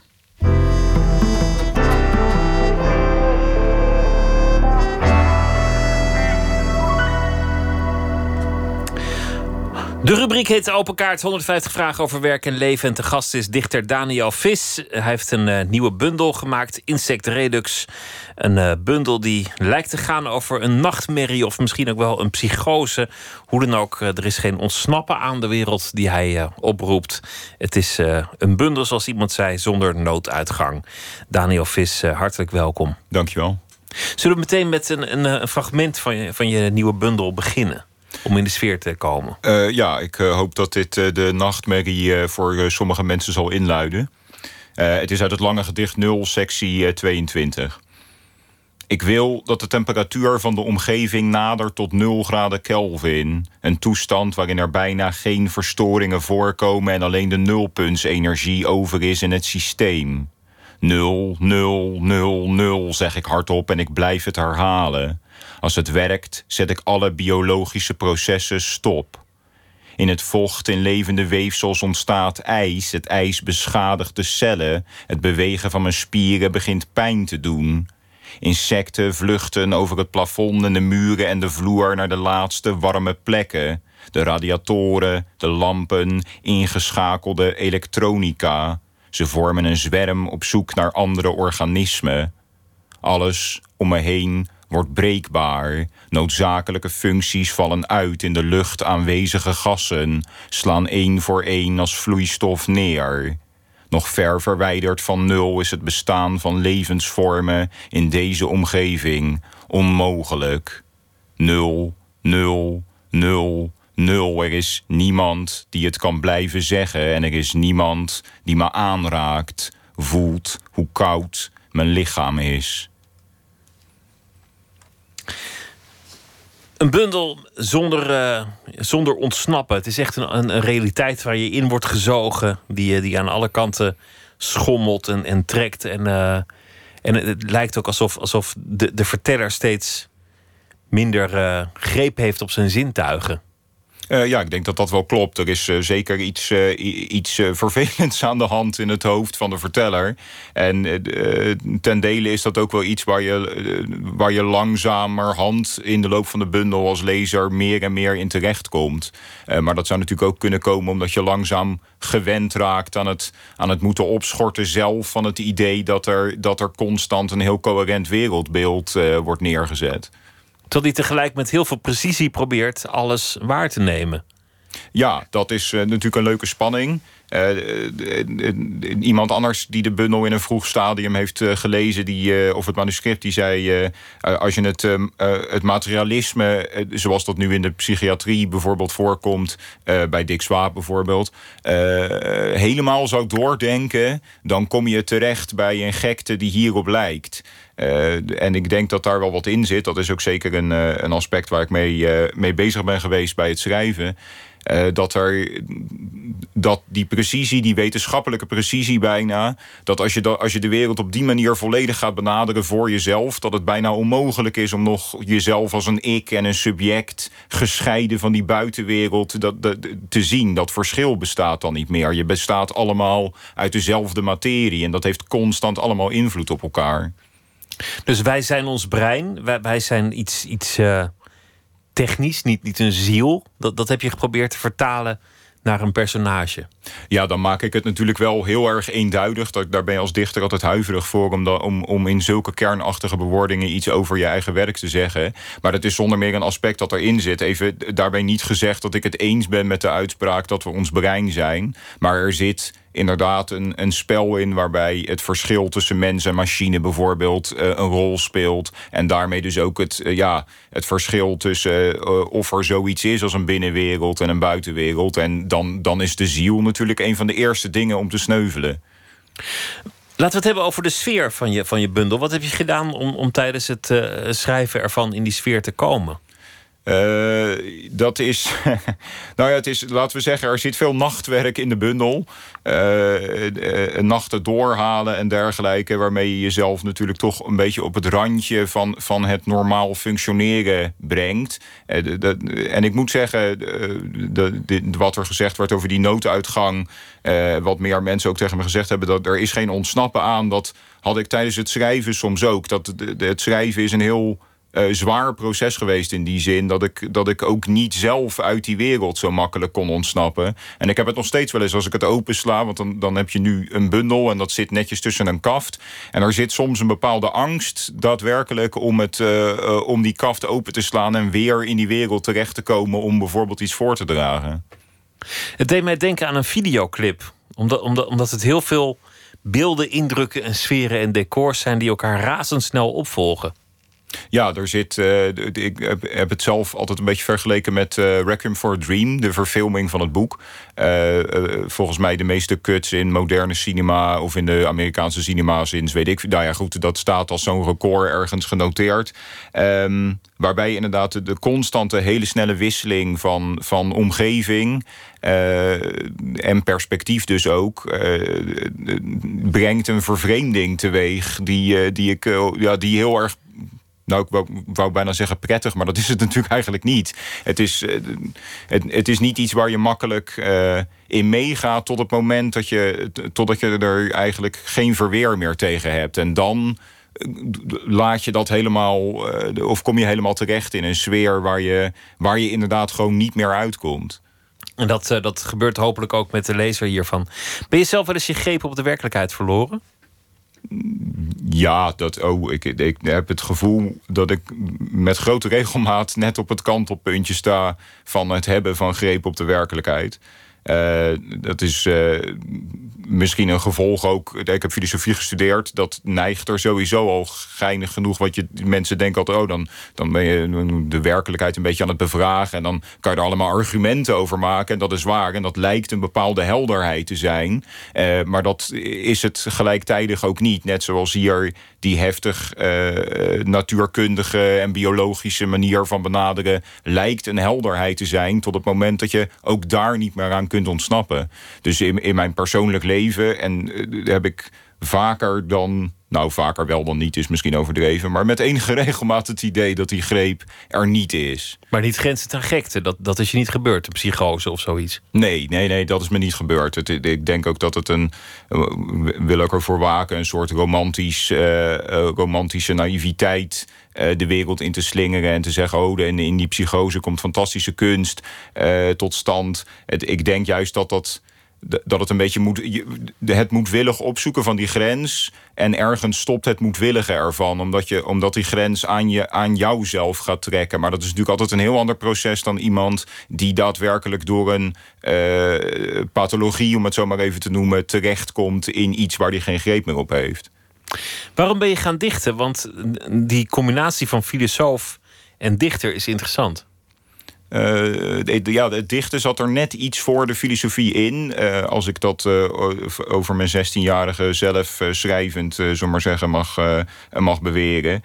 Um, en dat is, ja, waarom dat precies tot stand gekomen is, weet ik niet. Er, een, een grote taligheid was er altijd al. Ik denk dat dat op een gegeven moment min of meer per ongeluk op die manier terechtgekomen is in, een idee van poëzie. Vervolgens in zo'n heel erg uh, raar romantisch ideaal van de dichter, zullen maar zeggen, kaarsen op lege flessen en zo op mijn zolderkamer bij mijn ouders.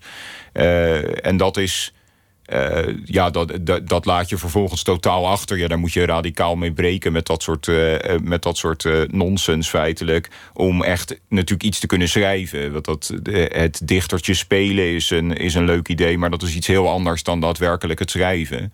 Um, en de filosofie heeft daar wel nou, bij mijn eerste bundel vond ik, zei ik altijd, die filosofie heeft heel weinig te maken met poëzie. Um, toen was ik net klaar met studeren en schreef ik, de, die bundel heb ik voor een gedeelte geschreven terwijl ik nog studeerde. En ik denk dat ik daar juist expres een grote uh, kloof tussen wilde maken voor mezelf, om dat te scheiden. En nu, zeker bij deze bundel, zou ik zeggen, die, die dingen hebben juist veel met elkaar te maken. Het is allebei een een uitdrukken in taal van iets dat misschien de grenzen opzoekt van wat je kunt uitdrukken in taal. Jouw taal is nooit, nooit verhullend, nooit eh, strevend naar een soort zachte poëzie. Het is altijd tamelijk direct wat, je, wat jij doet. Sterker nog, je zou het kunnen omschrijven als een, uh, een stomp in je maag of een trap onder je rol. Ja, ik denk dat dat wel klopt. Ik, ik heb niet. Uh, ik schrijf geen, laat ik het zo zeggen, ik schrijf geen poëzie die mensen er denk ik bij halen bij huwelijk of uh, begrafenis. Wat voor sommige dichters natuurlijk prima kan.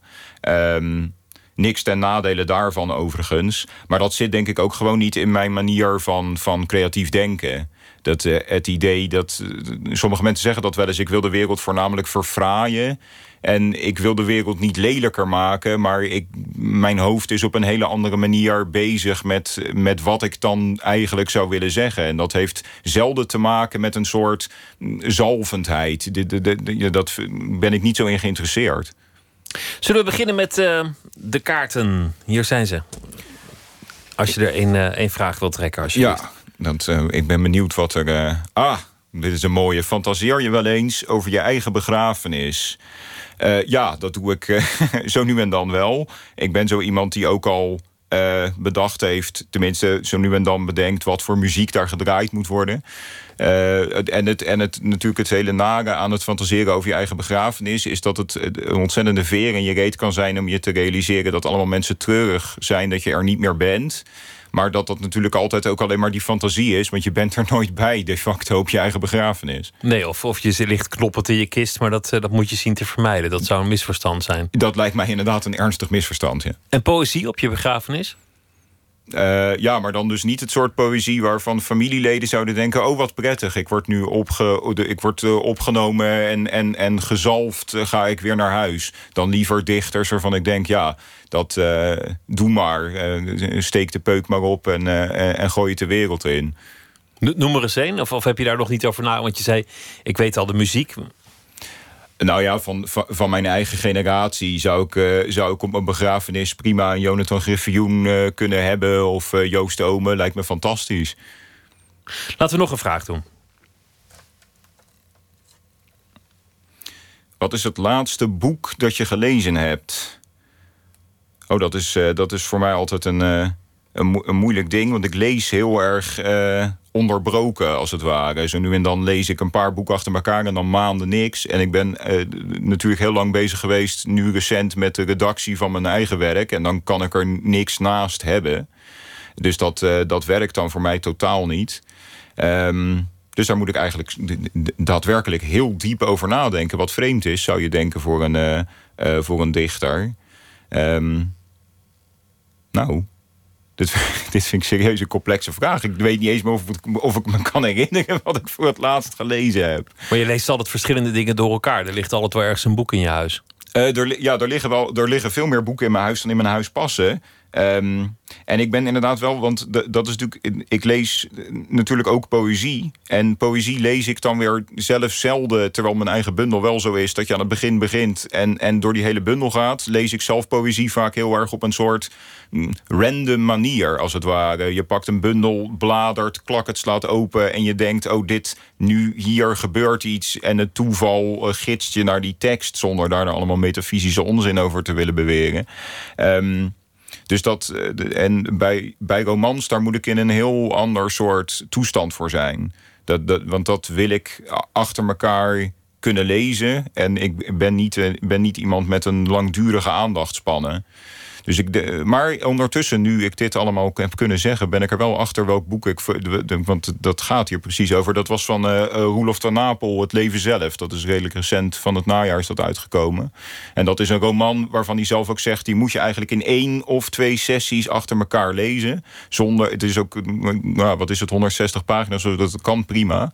Um, en dat, daar is het juist helemaal de bedoeling dat je niet een half uurtje en dan weer een paar dagen niet en een half uurtje en dan weer een paar dagen. Dat moet achter elkaar. Anders werkt het niet. Ja, anders werkt het niet. Doe nog een uh, vraag.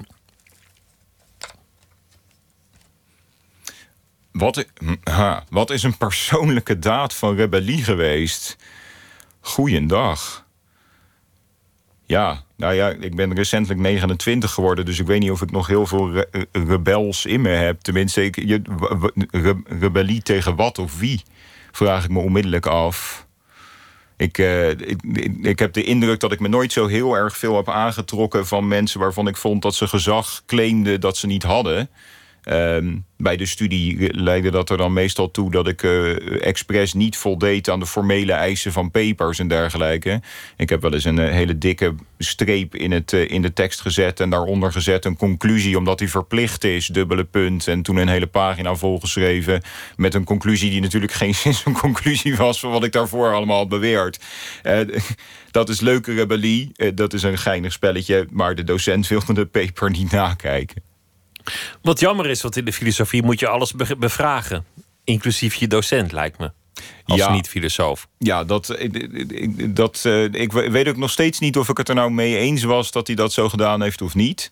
Uh, maar ik zie ook wel destijds niet, uh, maar nu wel zijn argument dat, dat er natuurlijk een, een bepaalde eis wordt gesteld. omdat je aan een universiteit studeert en daar, ja, er, er moeten bepaalde maatstaven gelden. Jij wil iets, dus dan moet je je ook ergens aan houden. Ja, ja dat leidt tot verplichting en verantwoordelijkheid. En dat is natuurlijk, uh, dat is denk ik wel waar. Vermoedelijk. Laten we nog een uh, vraag doen. Oh, dit is intrigerend. Welke collega verdient meer waardering? Uh, nou ja, gezien mijn enige werk het schrijven is, ga ik er onmiddellijk vanuit dat het hier gaat om een, om een dichtende collega die meer waardering verdient. Nou verdienen natuurlijk een heleboel dichters meer waardering. Nou ja, waardering in welke zin? Binnen, de, binnen het wereldje zelf, binnen de scene zelf... krijgen een heleboel dichters veel waardering... maar die komt zelden breder tot uiting. En dat is natuurlijk intrigerend, omdat we nu die hele discussie hebben uh, met uh, Kees het Hart, die, uh, die de polemiekpagina's bestormd heeft met allerlei opmerkingen over de moderne poëzie. dus dat vind ik in zichzelf wel intrigerend. Um, maar om zo direct een naam te noemen vind ik, veel, vind ik eigenlijk veel te lastig. Dat, dat is ook omdat je dan onmiddellijk iets zegt. En zodra je zo'n naam noemt, dan is er een andere naam waarvan je zegt: ah, maar die dan ook. En die wellicht ook. En die wellicht ook op allerlei andere gronden en, en, eh, en vanuit allerlei andere argumenten. Maar wat is de eerste naam die in je opkwam toen je besloot om geen naam te noemen? Ja, kijk, nee, dit, ik praat hier handig omheen. Want er kwam helemaal niet zozeer een, een naam in me op. Ik, ik, ben, ik ben een ontwijkend uh, vragenbeantwoorder. Mijn psycholoog vindt het verschrikkelijk.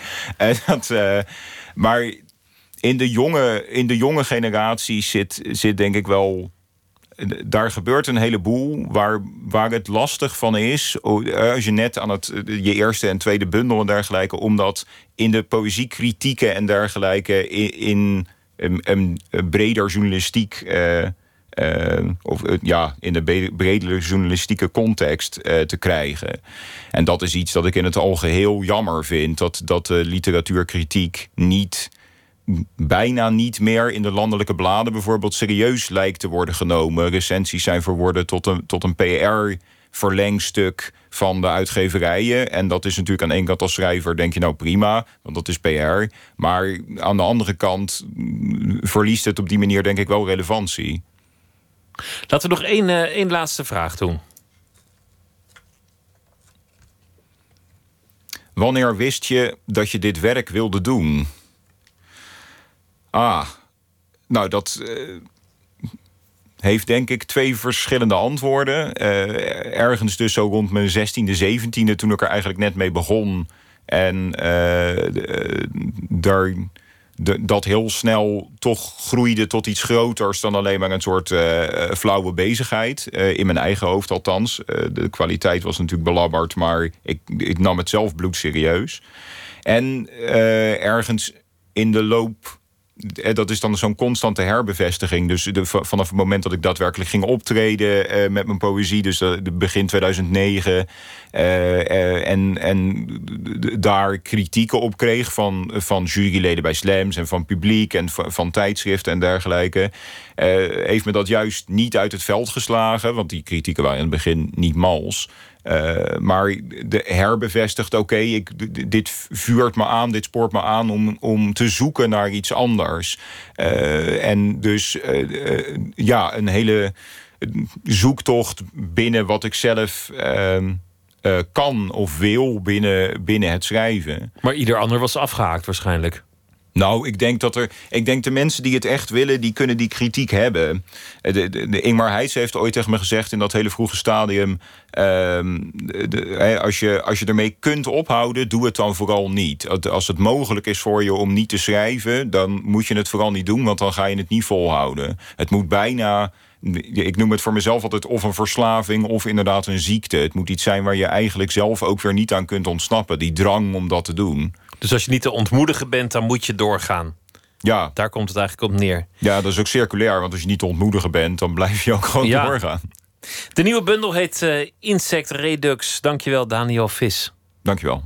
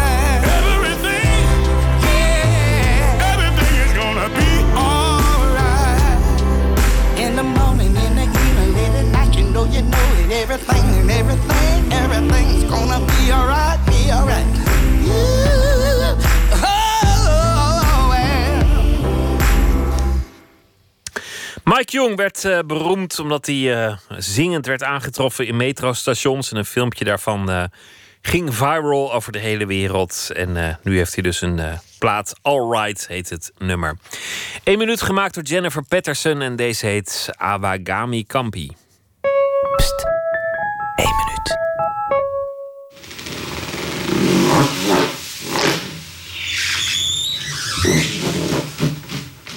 De Brommer.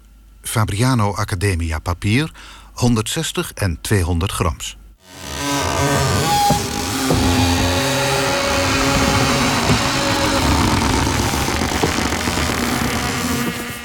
De toeter. Wederom Fabriano Academia papier, 200 grams.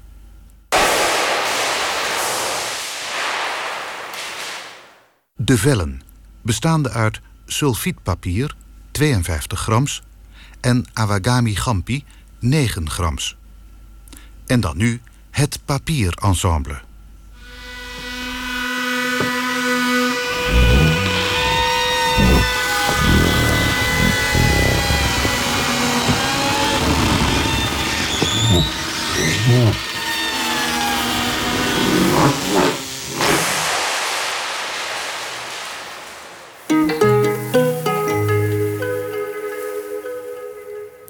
Als zover ze zich kan herinneren, bewaart documentairemaker Digna Sinke allerlei spullen, variërend van speelgoed tot suikerzakjes.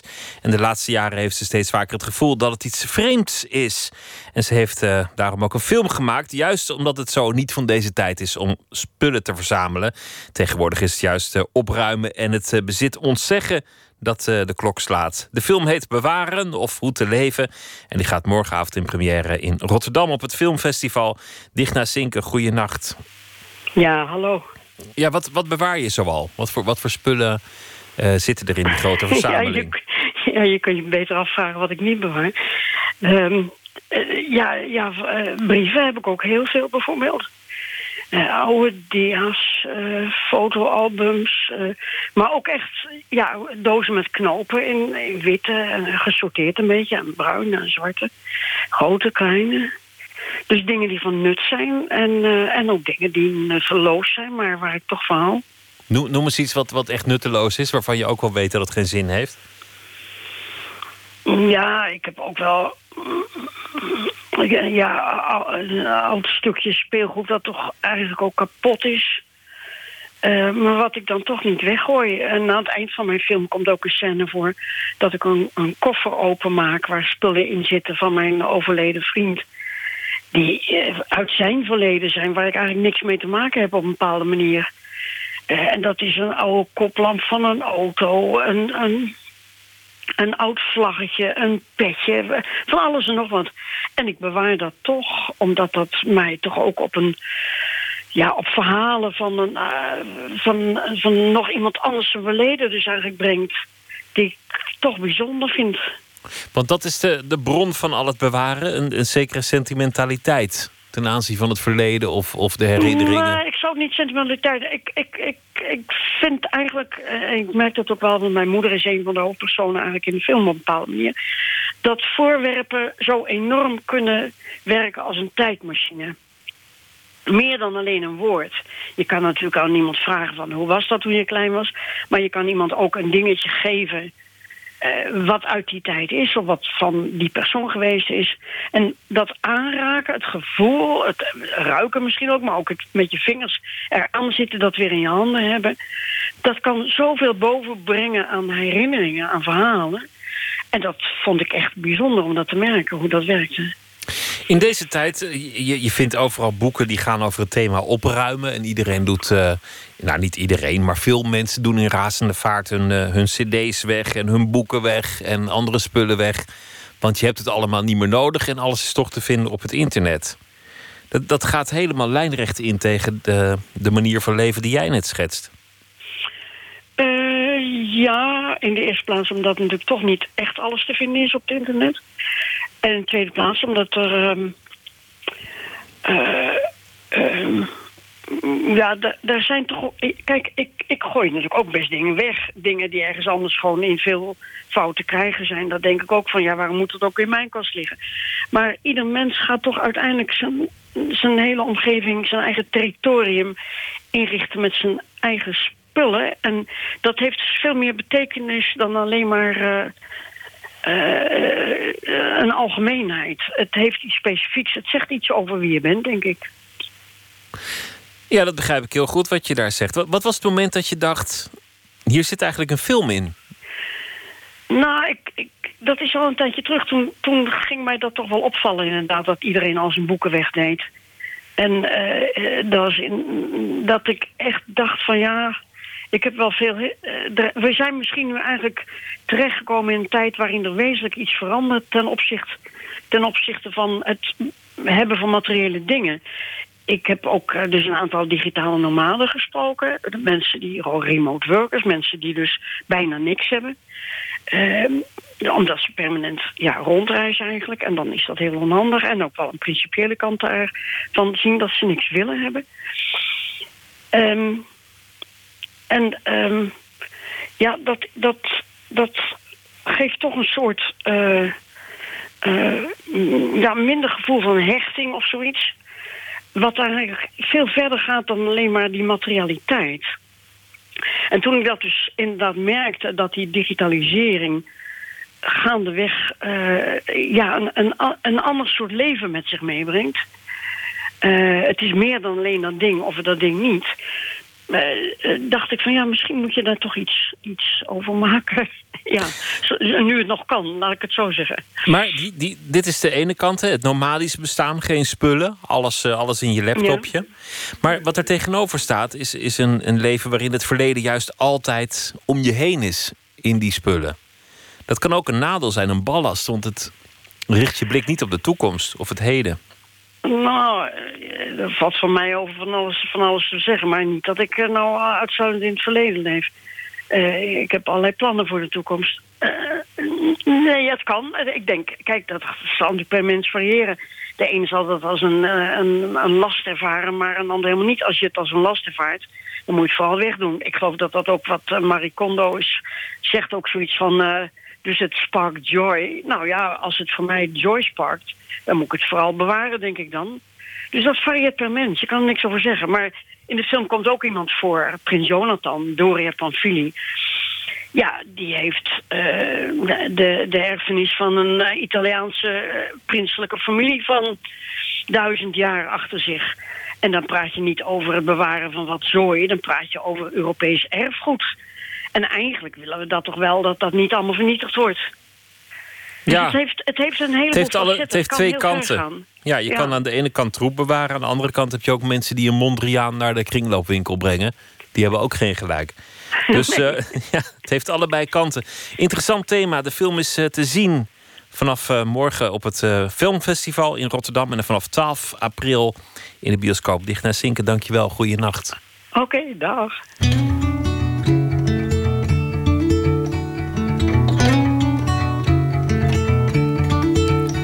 Please remind me of the view from the house down in the woods where I could run out back, climb trees for hours straight.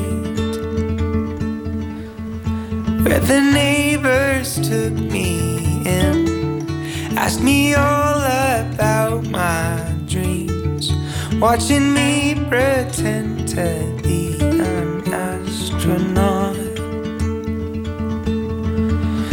we're so easily divided, have our future so decided. Can we have it any other way?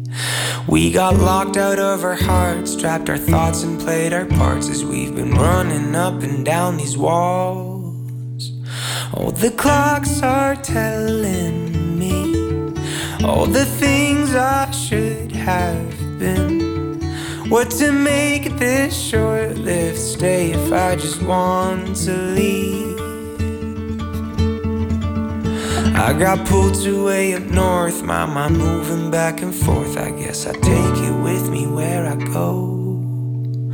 Little steps make little waves, oh, how I sometimes feel ashamed of all the secrets that we chose to keep.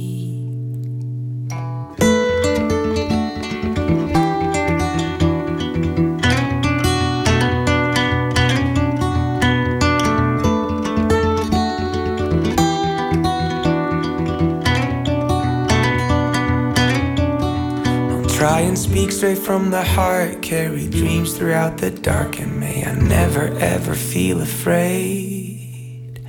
I got close to all I need, but somehow still feel incomplete. I guess new goals will only go so far. My shoes make little marks as it suddenly snows hard. Walking on for some time to come. But I've been growing older with some weight upon these shoulders, and with it, my dreams start to fade.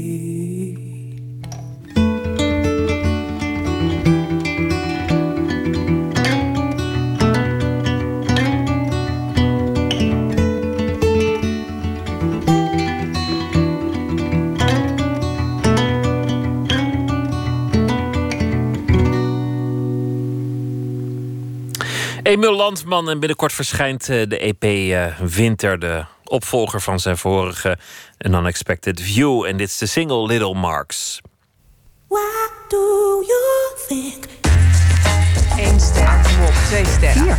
Nee, ik vond het echt maar één ster. Helemaal niks. Eén ster. Eén Echt ster. niet. Vier sterren. Oh nee joh, vijf. Twee sterren.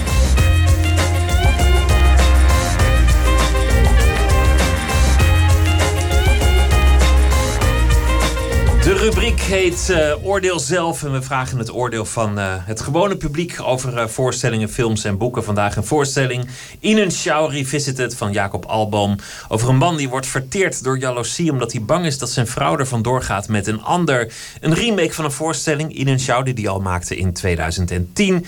Inge Ter Schuren, redacteur van Nooit meer slapen, bezocht de voorstelling en peilde alvast de reacties. Jaloezie is het thema. Ja, klopt inderdaad. De hoofdpersoon is echt een uh, extreem jaloerse man. En in uh, ieder ander ziet hij een uh, bedreiging voor zijn relatie.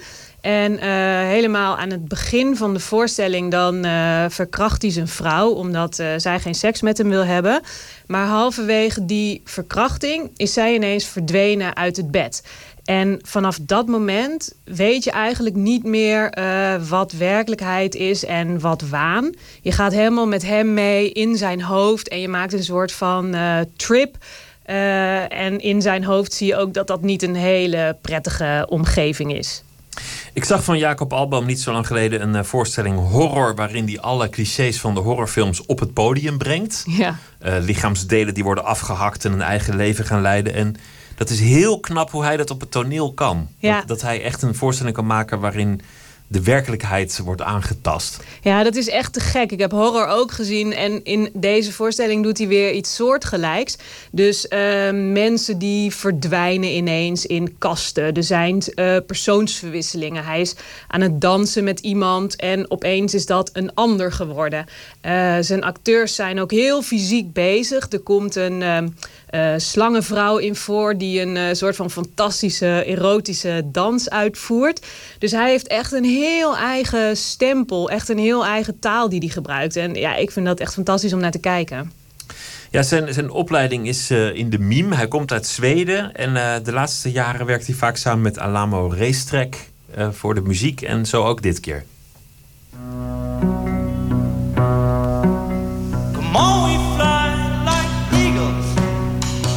Across the killer lake. The more I stare into its depth, the more weightless I became. Weightless I became.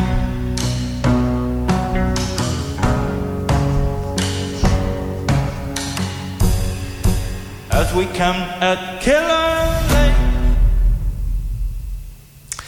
Een remake van In Show, een voorstelling uit 2010. Wat, wat heeft hij allemaal veranderd uh, aan de voorstelling? Uh, het belangrijkste wat hij heeft gedaan is dat hij eigenlijk alle tekst eruit heeft gegooid. Ehm, hij zegt zelf dat hij tekst nogal eens vindt dwarsbomen. Omdat het, ja, hij heeft het liefst dat mensen zelf interpreteren wat ze zien. Um, dus dat is echt de belangrijkste verandering. Je gaat uh, kijken naar een voorstelling die uh, muziek heeft, dans heeft, maar uh, er wordt niet in gepraat. Het thema jaloezie, daar ging het net ook al over, vanwege Othello. Met, met Daria in het vorige uur. Dat stuk gaat natuurlijk ook over jaloezie. Het is natuurlijk altijd een gouden thema voor een theatervoorstelling. Ja, inderdaad. Het is natuurlijk een heel uh, dankbaar thema. Uh, zolang mensen relaties hebben, zal er ook uh, jaloezie zijn natuurlijk. En um, aan de, het is interessant omdat het aan de ene kant heel reëel kan zijn. Want misschien is er wel echt iets aan de hand in je relatie... waardoor je jaloers moet zijn. en tegelijkertijd kan het ook heel erg in iemands hoofd zitten. En kan het echt een waanidee zijn waar niks van waar is. Dus je kunt door dat thema heel erg spelen met uh, waan en werkelijkheid. Ik denk dat dat voor iedere maker, theater, uh, film uh, een ontzettend dankbaar thema is. en zo ook dus voor Jacob Aalboom. Hij houdt sowieso heel erg van het kruipen in die menselijke ziel. die krochten helemaal ontdekken en kijken hoeveel ruimte er is voor emoties die niet zo heel erg vrolijk zijn. En jaloezie is natuurlijk ook altijd de keerzijde van verlangen. Datgene wat je wil maakt dat je ergens jaloers op bent. Ja, ik denk als er helemaal geen uh, jaloezie is in een uh, liefdesrelatie, dat dit best wel uh, oppervlakkig blijft.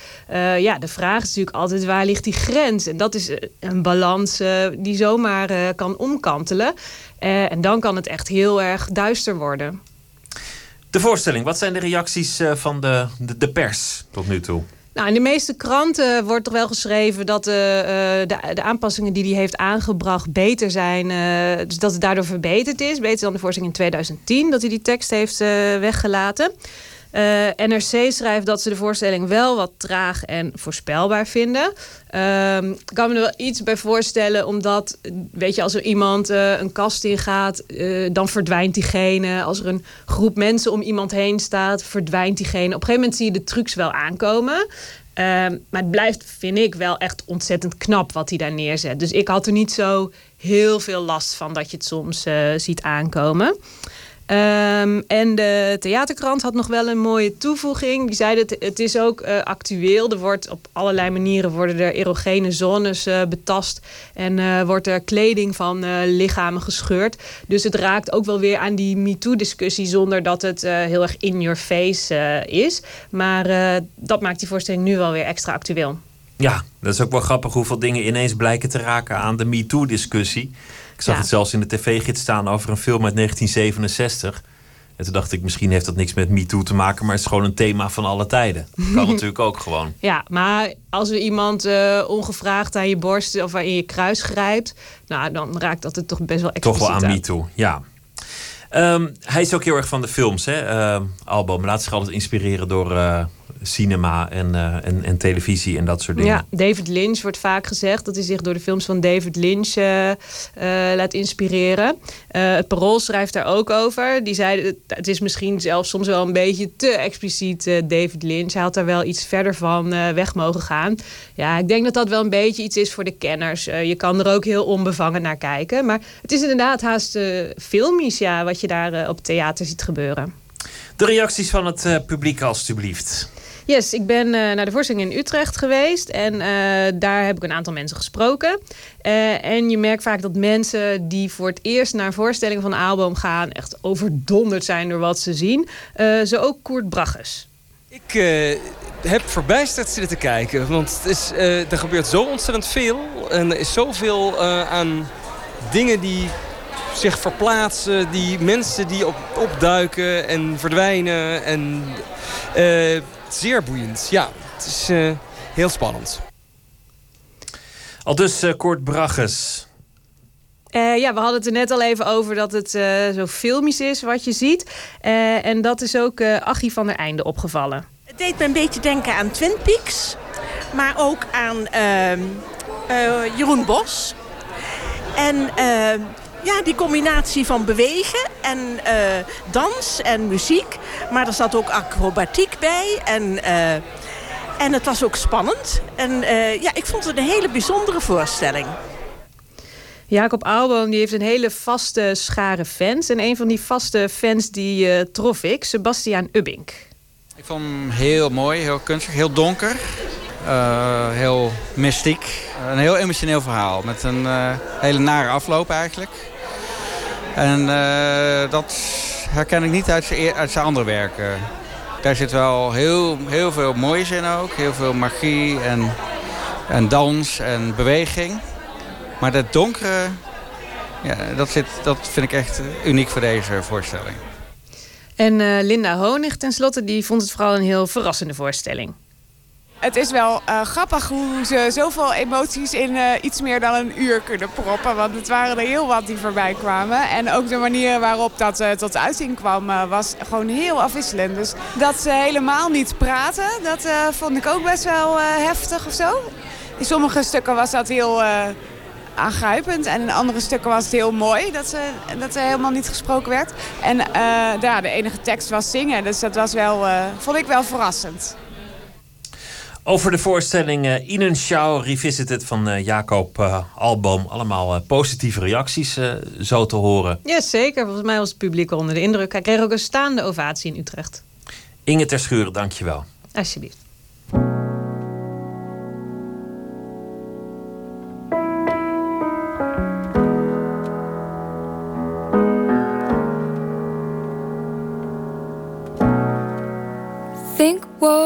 you want about me, about me. Tell me something I don't know. Tell me something that is real. Cause I'm tired of hearing all your endless tales. Something's changed.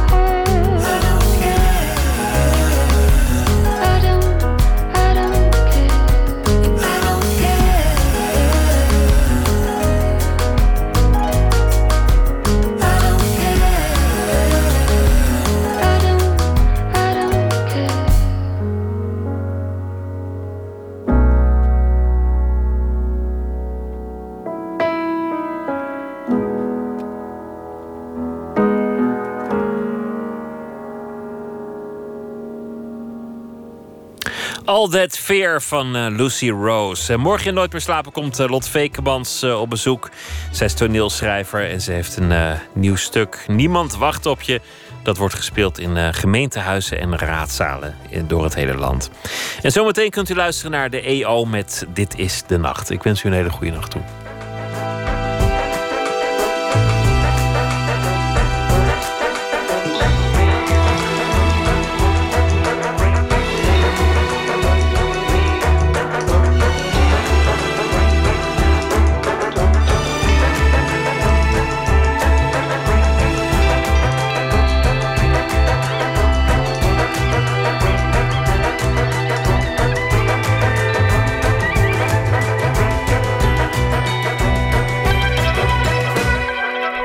Radio 1.